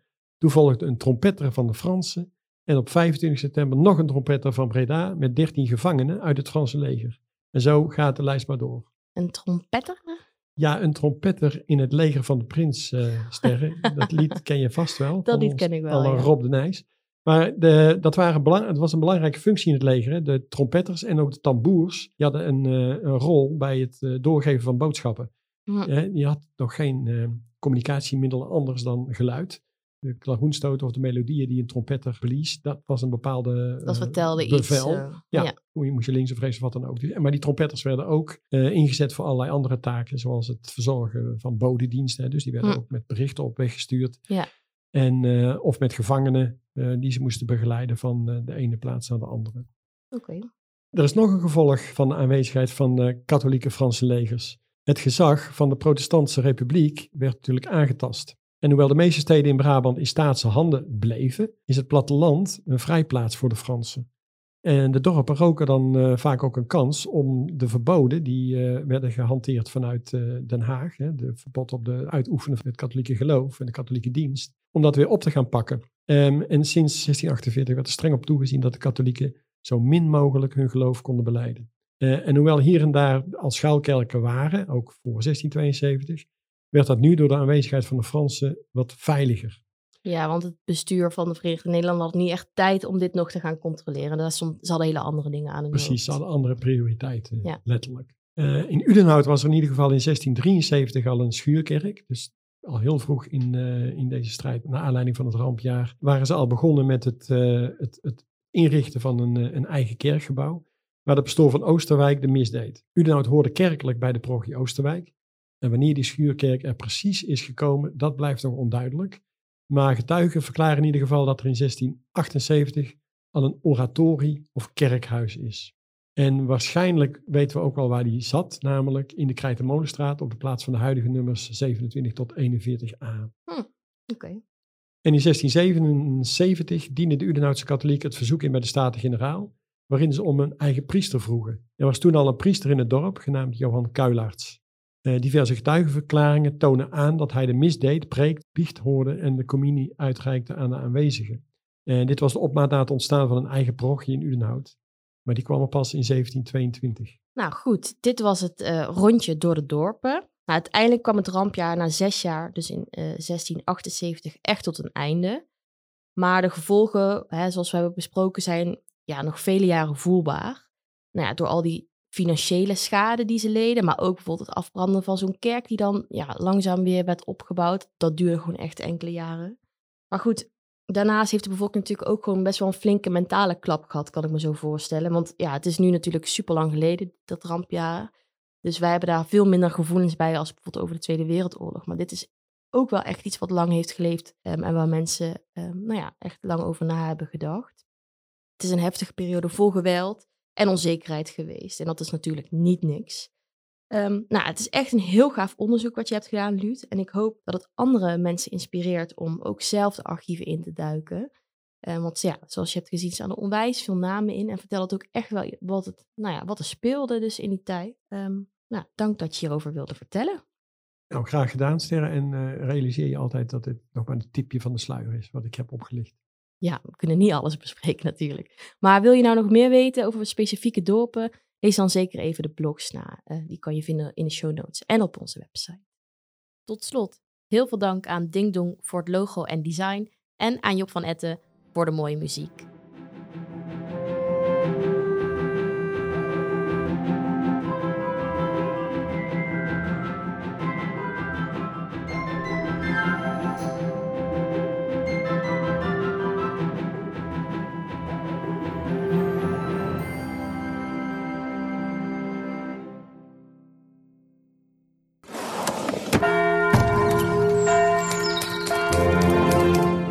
Op zoek naar meer mooie verhalen uit het rijke Brabantse verleden? Luister dan ook eens naar Het Geheugen van Brabant. De podcast van het Brabants Historisch Informatiecentrum in Sertogenbos.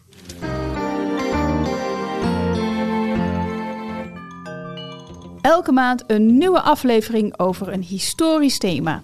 Van Brabantse boeven tot de eerste vrouwelijke burgemeester van ons land. En elke aflevering duiken we diep in het dossier Marietje Kessels. Dat en nog veel meer historie uit onze provincie. Neem nou dit. Als ik eh, met enige wellust naar jou kijk, Marilou, en dan hoef ik dat maar vijf seconden voltrouwen volgens de theologen, dan heb ik dus een, een doodzonde begaan. Laat je verrassen door bijzondere verhalen uit ons archief en dwaal mee door onze depots met onze reisleider Marilou Nilsen. En ontmoet, naast jou Anton, nog veel meer van onze collega's. Kijk op big.nl slash podcast of in je favoriete podcast app. Daar vind je alle afleveringen van Het Geheugen van Brabant.